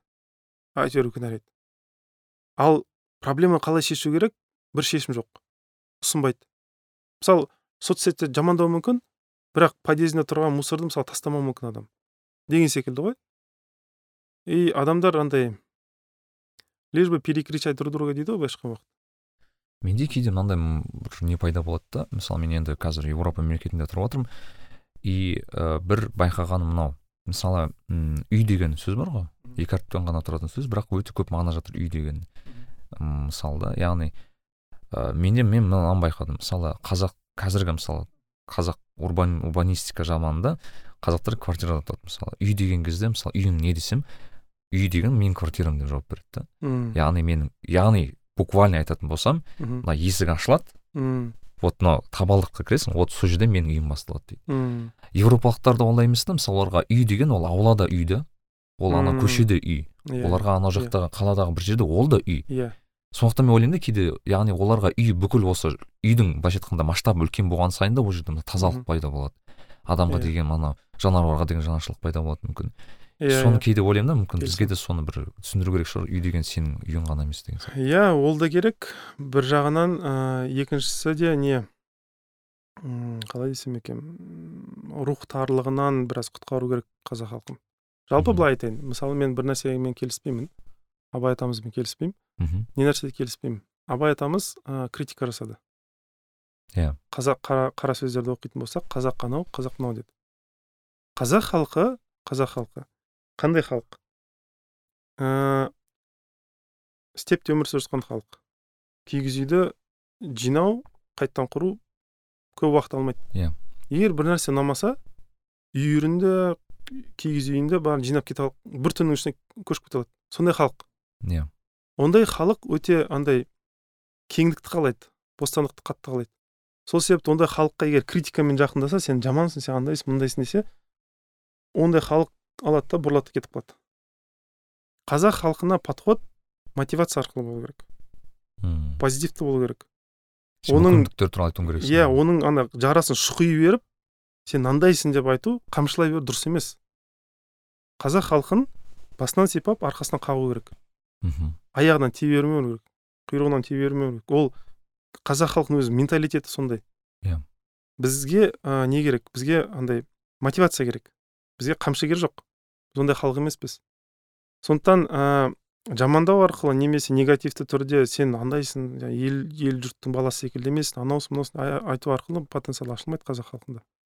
И абай атамыз ә, менің өз жеке дара адамдар келіспеуі мүмкін абай атамызға бір нәрсе айтатындай сен кімсің дегендей. Бірақ ә, жалпы неге критика жасап кетті неге мақтап біраз артынан итеріп нетпеді деп ойлаймын да? Yeah. Иә. өйткені мысалы абай атамыз егер құнанбай бай болмаса абай болар ма еді? Иә. Ол бір қойшының баласы болар еді. Ешкімге несі жоқ. Әкесінің жаңағы жағдайы болды. Соның арқасында ол мүмкіншілік алды қалам алып ізденіп бір нәрсе істеуге адамға возможность берілді ғой. Возможность берілгеннен кейін енді не істеу керек? Соны қолданып маған біреу итермеледі сондықтан мен де басқалардан итермелейін деген оймен мысалы жазса деп ойлаймын да критика жасаудың орнына. Ол да өзбекпен салыстырды орыспен салыстырды біз анамыз мынауымыз деді да мысалы. Ол да иә негізі былай салыстыру кезде де ол көбіне минустармен салыстырды ғой адамды иә ол еріншек деп айтты. Зачем бізге басқа біреумен салыстырылу бізге лучше біз туралы айтсын. Анау туралы айтқанша өзбек орыс анау туралы айтқанша бізге біз туралы айтсын. Бізге біздің өзіміз қалай ашамыз сол туралы айтсын. Мхм. Бір жағынан ойлаймын ыыы абай атамыздың күйіп кеткен себебі де содан шығар деп ойлаймын. Өйткені бұл критика энергиясы өте ащы энергия. Критика жасай жасай жасай адам өзі күйіп кетеді. иә иә сондай нәрсе сондай энергия ол. Андай позитивті энергия емес. Ол бір нәрсені жасаймын дейді да басқа нәрсені құрту арқылы бір нәрсені бастаймын деп ойлайды да. Бірақ ең соңында ол тек қана құртумен ғана бітеді да мәселе. Енді адамдар айтуы мүмкін сен кімсің бүйтіп айтатын да деген бірақ бұл менің жеке өз ойым сондықтан абай атамызбен бұл мәселеде мен келіспеймін. Ә, қазақ халқын ә, критиковать ете берген дұрыс емес. Қазақ халқын ә, қатты мақтаған да дұрыс емес енді. Ол, мақтанышқа да бас айналып қалады. Өкінішке орай сондай емес. Бірақ ә, қазақ халқы мотивация жасап біраз көтерген дұрыс. Ә, қолынан келеді саған сенем деген дұрыс. Ә, сен істей аласың деп біраз андай сондай ә, подходпен жасалған дұрыс. Ә, орныңды біл сен бүйтпе сен сөйтпе не рыпайся да ол өйтіп істеген дұрыс емес деп ойлаймын өз да ну по идее ну рас жатады мен шын айтайын өйткені мен кейде енді мен мысалы шетелдік компанияларда жұмыс істеймін и бір көремін бір бала келіп тұрады. Енді баланың потенциалы енді өте зор. Енді көріп тұрмын бала өте бала енді қыз да болуы мүмкін. Енді айтқысы келген анау потенциал бар бәрі бар бойында не керек бәрі тұр. Бірақ сенім жоқ. Айтасың да білеймін ну типа сенсейші өзіңе деймін да? Яғни болады бәрі. Істейсің. Все равно қиын яғни мысалы айтасың не не жетіспейді мына балаларға дейсің ішінде айтасың бағана осы затқа бағана сендіретін адам жоқ та енді қоғам мүмкін жетіп тастаған шығар мүмкін орта әсер еткен шығар білмеймін. Енді бұл ыыы совет үкіметінің несі? шын айтайын бұл біраз сақталатын бір бірақ мысалы біз мен мысалы совет үкіметін оқымадым ғой. Мен көрмедім совет үкіметін бірақ оның несі қалады ғой? Ізі қалады ізі қалады көлеңкесі қалады да. Ол өзі жоқ болуы мүмкін бірақ несі қалады? Ізі қалып қояды да. Бұл ізді өкінішке орай біз әлі тоқтата алатын бір тарихшыларымыз ыыы социологтарымыз шыққан жоқ. Бізге айтып беретін совет үкіметі былай құртты ана жерін былай дұрыстау керек деп бір анализ жасаған жоқпыз біз. Еш анализ жасаған жоқпыз. Ыыы қазақ халқына сондай бір тарихшылар да шықса жақсы болар еді. Айтатын мысалы. Тек қана кітап жазу емес кәдімгідей бүйтіп подкаст секілді шығып қараңдар міне мына жерде қате болды. Жамандау мақсатында емес тағы бір рет айтайын. Жамандау немесе вот андай бір ана бір бетке басу деген жоқ ондай емес. Иә мынандай мынандай болды анализ былай шешім былай. Давайте былай өзгертейік. Ыыы бұны болдырмаудың жолдары мынандай мынандай болмасын деген секілді. Істеуге болады ондай нәрсені просто мәселе алла тағала өзі айтып тұр ғой хадисте амалдары ниеттерге байланысты. Дейді то есть ниетің қалай болса амалың солай кетіп қалады. Ниет егер жамандау кінәлау анаған мін тағу мынаған мін тағу болса амалымыз да сондай болып кетеді. Иә. Ал егер шынымен де ниетіміз бір көмектесу дамыту көтеру ыыы ниеті болса андай бір нәрсені құру болса онда иә амалымыз да сондай болады. Нарик билай. Вот ниетке байланысты табиғатта мен сұрақ та. Мысалы бізде енді бағанағы ең осы не хадис қой центровой хадис қой көп затта мысалы ашсаң бәрі амал ниетке байланысты деген кезде. Бірақ мысалы менде өзіме болатын жағдай ә, ниет дейсің да бірақ сен шынымен сенің ниетің бе әлде саған ол салынған ниет пе? Яғни андай жоқ та мен былайша айтқанда өзің табу қиын да. То есть өйткені манипуляция бар бағанағы иә. Бағана айтсыңыз ғой ата ананың сөзі бар. Сен ойлауы мүмкінсің ол менің ниетім деп. Иә. По факту ол сенің ниетің емес. Мысалы да саған ол навязанный ниет болуы мүмкін деген сияқты иә ол рас енді. Но мынандай нәрсе де бар. Мен ә, бір постта да жазғанмын ол туралы индикатор қалай табуға болады. Адам егер м түсіндіре алмаса неге бір нәрсені қалап тұр? Ол скорее всего өзінің қалаған. Не үшін деген сұраққа жауап беру керек иә. егер не үшін деген жауап сұраққа жауап бере алса ол значит скорее всего өзінің қалаушы емес біреудікі. А неге? Өйткені былай ата ана балаға бір нәрсені внушать еткенде айтады ғой сен былай істе мынау үшін дейді. То есть үшін деген нәрсесін бірге қосып салып береді. Өйткені баланың өзінің интеллекті бар ғой ол отторжение жасамасын деп былай қабылдасын деп сол интеллектте бір тесік ашу үшін айтады сен былай беске оқы. Не үшін? Мынау үшін мынау үшін деп бір объяснениесімен жаңағы себебімен бірге салып береді. Мхм. Сол бала қабылдасын деп. Иә. Бала жаңағы түсіндіруге қарайды да а иә сөйту керек екен дейді да қабылдайды. Сондықтан адамнан ол баладан сұраса неге оқып жатсың десе ол бір түсініктеме бере алса скорее всего ол өзінікі емес ол. Ата анасы жазып берген да сөйтіп бірге. Иә. Объяснениемен. Ал егер адамнан неге бұны қалап тұрсың деп анализ жасап жасап түбінде объяснение бере алмаса түсініктеме бере алмаса мен просто қалаймын болды деп айта алса ол скорее всего өзінікі. Яғни ол керісінше не үшін деген сұраққа жауап ала, ала, ала алмаса иә ол ала алмаса ол өзінікі. Өйткені ол өзі қалап тұр. Ә, үшін мәселесі мысалы былайша айтқан уақытта андай ә, егер түсіндіре алса адам неге болып жатыр қай себеппен қай мақсатпен мына әрекет жасады ол не деген сөз значит ол жерде оның ә, даралығы сақталған жоқ. Оның бір уникальность иә тәуелсіздігі сақталған жоқ. Иә. Оған біреу әсер етті сондықтан ол солай істеді. Ал егер өзінің қалағанын нетсе оған әсер етілмей қалаған бір нәрсе болу керек ол. Іштен шыққан бір нәрсе болу керек та. Иә. Сондықтан ә, алла тағала да неге адамды мысалы басқа жаратылыстан былай артығырақ қойды? Иә. Өйткені адамға сондай даралық берілді. Мхм мысалы періштелер олардікі шектеулі. Күнә деген нәрсе жоқ. Мысалы жануар там топырақ тас там білмеймін барлық нәрселер олар шектеулі. Адам непредсказуемый дейді ғой. Адамда шексіз шектеу жоқ. Адамдар имансыз болып тұрса да миллиондаған адамды қырса да соның өзіне алла тағала оған береді. Мәселе сода болып тұр да. Не үшін береді? Енді біреу айтуы мүмкін неге олай береді? Ананы тоқтату керек. Әділеттік қайда? Мейірімі қайда? Бірақ егер бермесе жаңағы выборды адамдар айтады наоборот айтатын еді. Әділеттік қайда? Неге бізде сынайды? Егер біз свобода бермесе сондықтан алла тағала берді бірақ кейін әрине есебі қисабы болады. Мен соңғы мына бір посттарыңыздың бірі енді мен оқыған кезде өзіме бір ерекше бір әсер еткен ол тәубе мәселесінде болды да. Мысалы сіз айттыңыз үш түрлі тәубе бар деп бағанағы. Біріншісі есімде иә, болса күнәға дейінгі. Иә жасамай. Жаса, күнә жасамай потом күнә жасаса? күнә жасаса и потом күнә жасаса тәубе жасамау иә сондай үшінші үш несін келтірдіңіз иә мысалы. Оны сіз яғни айтады ғой әрбір не пост яғни өмірде болған сіз оны яғни өмірде көріп жүрсіз ба сондай заттарды? Енді әрине пайғамбар саллаллаху алейхи мысалы күнәсі күнәсі жоқ еді бірақ тәубе ететін еді иә. Ол бірінші категория. Екіншісі ә, андай адамдар болады который күнә жасаса ғана мойындайды. Күнәсіз өзін бір идеальный көреді да андай. Мхм. Қателік жоқ деп қателік жоқ қылып көреді. Ол ізденбейді ондай адам.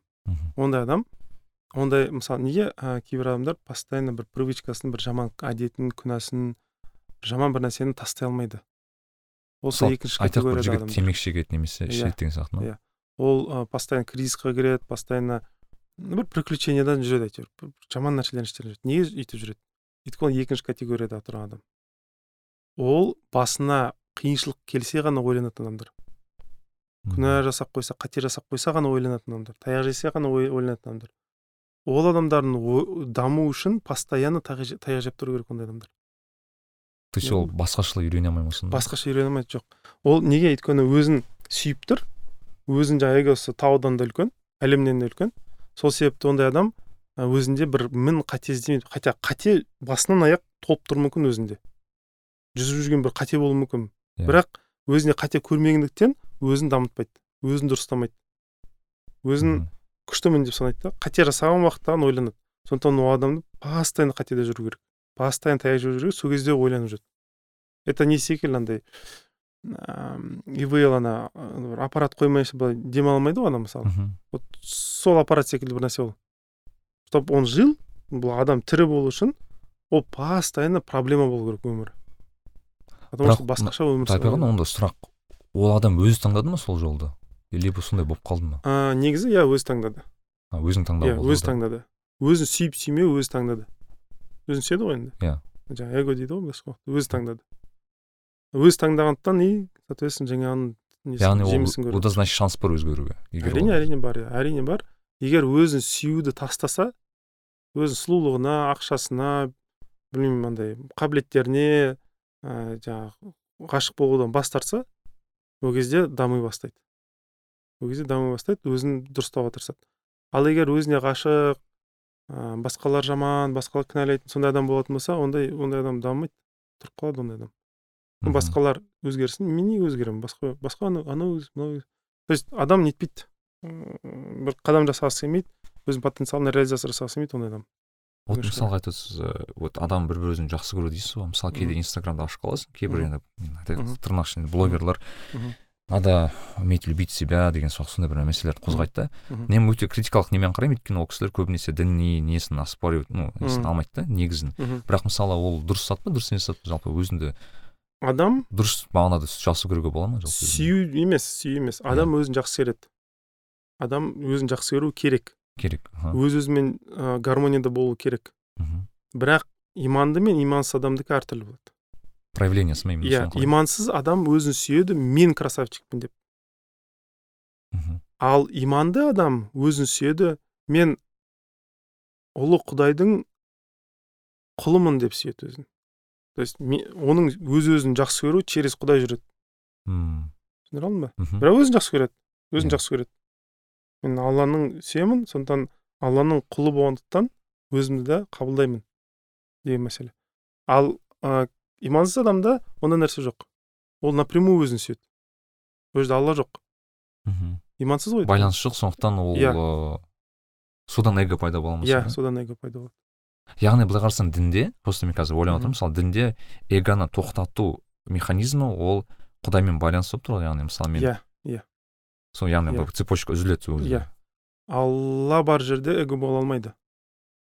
Эго бар жерде алла бола алмайды ма? Алланы көре алмайды алланы көре алмайды алланы көре алмайды эго былай ғой адам енді әлемді анализ жасайды ғой. Анализ жасаған уақытта мына әлемнің тірегі не деп сұраған уақытта құдай деп қабылдаса онда богоцентричный былайша айтқан уақытта құдайдың әлемі болып қабылдайды да ол ал егер тірегі құдай емес мен десе онда эгоист болып шыға келеді ол бағана сіз айтқан алдыңызда осының алдыңғы подкастта мысалы сіз психология мен дінді алған кезде соны түсіндіргенде есіме түсіп кетті мысалы психология ол адамның айналасындағы не ғой былай адамды зерттейтін көбінесе не деп алса бола ма? Негізі психология о бастан адам зерттеу үшін басталған ілім емес еді. Мхм. Ол адамдарды бұл христианство дінінен андай не болды оларды? Шіркеу адамдарды контроль жасау мақсатында отпускание грехов деген элемент кіргізді. Былайша айтқанда келеді жаңағы ана неге шіркеудің қызметкеріне барады да өзінің күнәларын айтады да адам. Иә иә а мен сені жібердім тазардың деген секілді мәселе болады да. То есть аллаға тәубе через человека болып кетті да. Шіркеу деген сөзді содан ширк деген сөзден шыққан. То есть құдайға серік қосылушылардың жері деп иә сол қазақ халқы қызық иә оның өзін қатырғаны. Иә сөйтіп шіркеу деген. Содан бері ә, енді христианство батыста не кризиске кірді христианство өлді ол жақта. Иә христиандар христианбыз анамыз бірақ ол нағыз христианство емес өлді. Өлгеннен кейін ә, не қалды? Соған христианство ұқсас бір бәлелер қалды. Ә, и андай бірақ енді халықты контроль жасау мақсатындағы жаңағы элемент отпускание грехов. Осыдан психология пайда болды. А яғни қазір түсініп отырмын яғни мысалы сен психологқа барған кезде сен қателіктеріңді айтасың ғой оған иә иә иә. Как будто бір исповедь деп жатқан сияқтысың да? иә вот сол ол содан алынған элемент. Сондықтан психология изначально ең басынан бастап адамға көмектесу мақсатында болған жоқ. Адамды контроль жасау мақсатында туылған бір дисциплина. Мысалы ә, оның бір тарихи бір дәлелін алайын. Айтайын. Зигмунд фрейд. Иә анау психологияның әкесі ана мына иә. Иә совет союзды құрар алдында троцкий. Мысалы троцкийді иә. ә, дайындаған зигмунд фрейд болған. Мм ол соның оқушысы. замандасы болды ғой екеуі иә ол соның оқушысы болған. Ол соның жаңағы коуч тренері болған. Троцкий ма? Иә троцкийдің коучы зигмунд фрейд болған. А окей. Троцкий американдық андай не подданство болған ба паспорт болған. Американың мақсаты не болған? Ә, сол уақыттың орыс ә, несін империясын сындыру керек болған. Революция жасап. Сол кезде бірнеше адамдарды дайындайды. Адамдарды манипуляция жасау жаңағы ораторский искусствоға анаға мынаған дайындайды специально дайындаған. Сол дайындаған зигмунд фрейд болған. Троцкийді және оның командасын дайындаған зигмунд фрейд болған. Біраз уақыт дайындайды да содан кейін троцкийді жібереді. И революцияны бастаған жаңағы ленин жалпы қызық иә мысалы мен тарихта қарасаң мысалы ленин болсын не болсын бұлар ресейде болмады ғой на тот момент. То есть олар ол бүкіл иә ол извне келген нәрсе иә извне келген нәрсе сырттан келген специально дайындалған адамдар болған. Ол рас оны тарихшылар оны біледі. Вот сондықтан ә, если бы психология адамзатқа көмектесу бір дисциплинасы болса ғой онда зигмунд фрейд барып миллион адамды қырылуына себепке алып баратын еще қалай қыру керек екен қалай алдау керек екенін зигмунд фрейд үйретпес еді иә негізі фрейдтің де кітаптары кішкене манипуляция жасау жалпы yeah, адамды істеу деген сияқты ол не ол андай өзінің манипуляционный қабілеті сильный болған адам. Мм бірақ конечно же біздің психологтарда андай жаңағы тот же критический мышление аздау болғандықтан біз жаңағы зигмундтың кітаптарын оқып алады да сосын о зигмунд зигмунд дейді да мысалы. Хотя тарих по фрейду деп иә по фрейду деп мысалы. Хотя на самом деле ол фрейдтің ыыы кесірінен өзінің бабасы революция кезінде өлгенін бәлкім білмейді. Сондай болды ма? Иә конечно. Өйткені революция кезінде не болды? Қырылыс болды анау мынау қырды мынау оның ішінде қазақ та қырылды басқалар да қырылды онда себеп салдар да болды. Ашаршылық болды деген секілді мысалы хотя оған кім себеп болды? Ең басында жаңағы троцкийден басталды жаңағы лениннен басталды. А оны кім дайындады? Оны зигмунд фрейд дайындады. Адам біраз енді ойлану керек қой енді. Откуда ноги растут деген секілді. Қайдан басталды? Вот содан басталды. Маған бүкіл осы историяда удивительно что кейде осы тыңдайсың ғой оқисың что вот идея қанша миллион адамды қыра ше просто былай қарасаң иә фрейдтің басындағы ол идея ғой. Иә. Просто ол идеяны жеткізе алды да дұрыс. Соответственно дұрыс емес русла кеткенде. Yeah. соответственно могло бы и наоборот да быть мысалы дұрыс идеяны да салуға. сол себепті бір айтқым келетін бір не бар в скобках. Бәлкім осы подкастты білмеймін енді саясаткерлер бәлкім тыңдар деген секілді мысалы иә. Немесе жаңағы біздің ә, енді бейбітшілігімізді қамтамасыз ететін органдар дейікші. Иә иә. Ол кісілер бәлкім тыңдар иә. Сол кісілерге айтқым келетін нәрсе біздің блогосферада блог. Жүргізетін адамдар да мысалы. Кімнің қандай идеясы бар кім қандай нәрсені ыыы былайша айтқан уақытта мақсат ретінде өзіне алған енді мыңдаған адамға әсер етеді ғой. Инстаграм арқылы не арқылы. Соларға бір ұсынысым бар еді. Қандай ұсыныс? Блогосферасына байланысты қазақ халқына зияны келетін идеология идеяларға ыыы анализ жасап оларды стоп жасайтын сондай бір нәрселер керек деп ойлаймын. Мхм жалпы интернетті шолу. Бұл андай біреулер айтуы мүмкін ой енді интернетімізге де араласа ма? деген секілді. Бірақ слово деп айтуы мүмкін бағана. Иә бірақ шынымен де идея ә, зияны бар. И қазақ халқы да одан ә, қорғалмаған халық деп ойлаймын өз басым. Мхм сондықтан ыыы ол қазір мен айтайын қосып кетер зат мысалы қараңызшы. Қазір бізге осы идея айту үшін либерал көбіне қозғалыс көзқарас немесе бағана запад ана батыстық көзқарастағы адам келіп айтуы мүмкін яғни мысалы ол дұрыс емес. Ол адам адамның былайша айтқанда иә. несін шектету и так далее. Иә. бірақ американы қарайық. Трамптың несін заблокировали? Иә. мысалы олар. Ә, аккаунтын былайша айтқанда ешқандай несіз просто твиттерін барды да жауып тастады болды трамп ешкімге ешкімге вещать ете алмай қалды мысалы. Енді бұл не мысалы? Америка капиталистический мемлекетпіз дейді бірақ капиталистический мемлекет емес. Ол жақта социализм. Ол жақта қазір социализм. Ыыы ол жақта социализм барлық нәрсе егер өздеріне жақпайтын бір нәрсе болса қарамайды.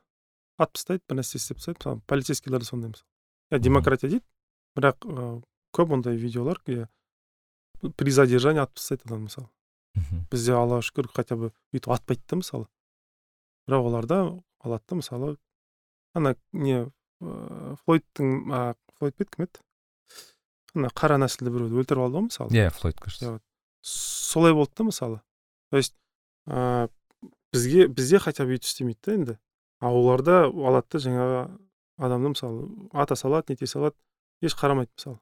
Мхм. Сондықтан оларда ә, главенство закона дейді бірақ ә, довольно жестоко жасайды ондай нәрселерді өте нетеді и жалғыз трамп қана емес жалпы американың өзінде ә, кейбір салаларға араласқаны үшін адамды қысады.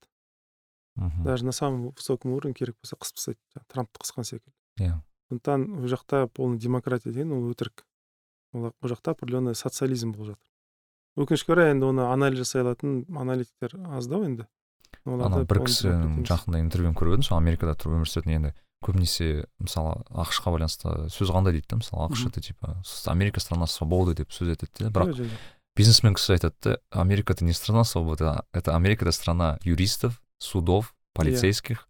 Иә. Соны айтады да типа осы осының мықты болса сен ғана өмір сүресің ол ол демократия жоқ ол жерде ондай ондай. Шынымен де ол жақта демократия жоқ. А демократиясы бар мемлекет бар ма вообще әлемде? Ну естуім бойынша кейбір еуропа мемлекеттерінде болуы мүмкін. Ыыы канадада болуы мүмкін мысалы. Бірақ канада тоже енді америка жақын болғандықтан ол жерде ондай прям не емес. Бірақ имеется в виду андай бір идеальный форматында жоқ қой еш мемлекет жоқ ондай бола алмайды деген сияқты да? иә әлемде ондай білмеймін енді өзім көрген жоқпын ондай нәрсені. Или естіген жоқпын ба может может бар шығар. Мен енді супер аналитик емеспін жоқ просто мен оны айтып жатқан себебім мысалы кейде осы бізде подкастта да кейде осы тарихи тақырыптарға қозғаған кезде бізге демократия керек деп айтады да. Мен сол кезде айтамын бірақ қандай демократия керек деген сұраққа жауап бере алмайды. Себебі демократияның бір бір үлгі дейтін мен таба алмадым да бір мемлекет демократия осындай бір элементтерін ғана таба аласың голубая мечта дейді ғой былайша айтқан уақытта бір аңыз секілді бір нәрсе ғой бұл. Иә, иә. Барлығы қалайды ыыы в идеале деген сияқты ма? Идеальный мемлекетте сондай иә. болады. Нарик билай табиғат аға біз керемет отыр екенбіз. Машалла мен көп сұрақтарға жауап таптым. Ыыы өз басым өте көп әсер алдым шын айтайын. Және де тыңдарман да былайша айтқанда пайда алады деген үміттемін. Бізде қазір ә, күшті не бар? Ыыы қалай айтсам екен бір өзіміздің рубрика бар. Ә, соңғы кездері ол бізде кітап ыыы ойнатамыз адамдар арасында тыңдармандар арасында. Ол бізде қазына деген не бар? Ыыы кітап дүкені бар. Білуіңіз мүмкін қазақша кітаптар сатады. Сондай бір интернетте жалпы магазиндар бар. Біз ә, бірнеше кітап орнат кейде ойнатамыз кейде былай енді иә, өзінің иә. шарттары бар. Сіз соңғы уақытта мүмкін қандай бір қазақша уақыт мүмкін ұсына алатын едіңіз? Қазақша соңғы оқыған кітабым. Баспаның есімі. Ұмытып тұрмын. Кішігірім мынандай бір кітаптар шығады шыққан тын и бауыржан момышұлының жаңағы өзінің балалық шағы туралы жазған бір кітап бар еді. Соны оқыдым да. Толық бітірген жоқпын енді. Ыыы қазақша қандай тағы кітап соңғы тағы бір не? Ол жаңағы абайдың қара сөздерін осы жаққа алматыға келе жатқан уақытта бір оқыдым. Мхм. Ал өзіңіздің ең сүйікті қазақша бір кітабыңыз бар ма? Бұны айтқан бәлкім қызық болмауы мүмкін. Бұрын ә, бала кезімде оқыған ертегілер кітабы болатын. Төрт томдық. Мхм ең жақсы көрген кітабым бәлкім бала кезімде сол. Айтпақшы да осы негізі мен тоже бір оқығанмын бір статьямен жалпы ертегілердің баланың несіне қатты әсер етеді деген нені оқыдым да? Иә әрине. Бала ә, хикая дейді ғой. Оқиға арқылы түсінеді. Сторителлинг иә бала сондаймен түсінеді. Ыыы мен мысалы материалдар жазуымда қиналатыным содан. Мысалы бір пост жазамын иә? Пост жазған уақытта мен формуланы айтамын. Мынау былай мынау былай мынау былай деп. Иә. Адамдардың ыыы интеллектуалды жақтан қатты өзін дамытқан адамдар формула мен ойлайды олар. Мхм олар формула ретінде алады. Мысалы м хадистер формула. Иә. Аяттар формула деген секілді. Бірақ өзін қатты может быть дамытпаған қарапайым дейікші былайша қарапайым адамдар олар формуламен ойламайды. Оларға оқиға есінде қалады. Өйткені оқиғаның ішінде сезім бар. Эмоция бар. Эмоция бар. Сондықтан ол солай қабылдайды да сондықтан құранда повествование дейді ғой былайша айтқанда оқиғалар да бар. Қисса деген қисса иә мысалы юсуф юсуф пайғамбар иә. ол қисса қарапайым адамдарға түсінікті болсын деп нетілген бірақ оның ішінде формулалар бар. Ғалымдар формулаларды алады. Қиссаны өзіне алмайды. Мхм. Олар ә, сөзін алмайды өзін алады. Ал жай адамдар сөзін алады. Мынау бүйтті мынау екі адам жолға шықты біреу мысалы мұса алейхисалам біреу хызыр алейхисалам болды тағы болды анау болды мынау болды деген секілді. Бірақ ә, неге олай болды? Неге анау екеуі де үлкен тұлға бола тұра алла тағала сүйікті құлдары бола тұра неге бір бірін мен нетпеді андай бір жерде бола алмады? Неге жолдар ең соңында ақыры айырылып кетті? Оған жауап бере алмайды. Иә. Оған тек қана ғалым адамдар жауап бере алады да. Ал жай адамдар енді қиссамен ғана түсінеді сондықтан ә, кішкентай балалар да олар да әңгімемен ертегімен түсінеді да олар. Өйткені мен бір жағынан да балалар эмоциямен қабылдайды ғой информацияны. иә. Иә сондықтан қисса ретінде хикая ретінде түсіндірілген дұрыс балаларға. Оқиға ретінде түсіндірілген дұрыс. Кейін ол оқиға есінде қалып қояды и есейген уақытта оқиғаны басқаша анализ жасайды. Уже формуланы алып шығады ол. Мхм. Есейген уақытта. Бірақ қазір енді кішкентай балаларға кезінде қыз жібекті көріп кейбір адамдар бар ғой төлегендікі дұрыс емес болды негізі деп шығатындар бар не прав деген сияқты иә ондай да бар иә онда құдай қаласа онда мүмкін бір ә, бауыржан ағамыз бауыржан атамыздың бір кітабын немесе бір ерте кітабын ойнатуға бір мүмкіншілік болады деп ойлаймын. Жақсы. Аха. Тәбет аға жалпы қалай болды бүгінгі неміз? Отырысымыз сізге бір ақ сұрақ қойылған сияқты. Кейбір нәрселерді талқылаймыз деп ойлаған жоқпын. Өйткені саясатқа байланысты нәрселерге кіргім келмейді. Иә. Но раз кейбір сұрақтар без этого не обошлось. Мхм. Көп рахмет аға сізге осы уақыт бөліп бізге. маған ұнады өзіме иә. Мен жалпы адамдар көп именно сізді жазады бізге. Не жағынан мысалы қандай сұрақ қоямын десем мынандай сұрақ қойыңызшы табиғат мынандай сұрағына түсінбедім мынаны түсінбедім. Сондықтан сізбен жасау маған енді ерекше не аламын рахмет. Ләззат аламын. Сондықтан ісіңізге алла береке берсін осы халыққа жасап жүрген ісіңізге өзім өте қуанамын сіз сіздей бір ағамыз барына. Ә, және де осы тыңдармандарға осы табиғат аға бағана он мың дейді жүз мыңға жетсін құдай қаласа. Жүз мың миллион болсын сіз сияқты адамдар. Енді халқымыздан арасында көп болсын деген. Енді бізде бағана ағалар институты деген бар ғой. Сол иә. сондайды көтерген бірден бір адам сіз деп ойлаймын. Сондықтан ыыы асыра мақтадыңдар енді. Иә бірақ біліп отырмын тіліңізден ұнамай жатыр енді бұл жақта видео жоқ бірақ иә, иә. сондай тұр көп рахмет. Тыңдармандарға осы подкастпен бөлісе жүріңіздер. Пайдалы болып жатса бізге пікір қалдырыңыздар. Ал бағанағы кітаптарда құдай қаласа онда инстаграм парақшамызда шарттарын айтамыз. Сол жерден білсеңіздер болады. Сол. Ал баршаңызға сау саламат аман жүріңіздер. Демалып жүріңіздер айтпақшы бүгінгі подкастта жақсы демалыңыздар. Шақырғандарыңызға көп рахмет. Өзімді біраз қызық болды и біраз да ләззат алып қалдым. Рахмет. Иә көп рахмет. Баршаңызға сау болыңыздар. Сау болыңыздар. Нарик билай кәсіби және рухани даму жайлы подкаст.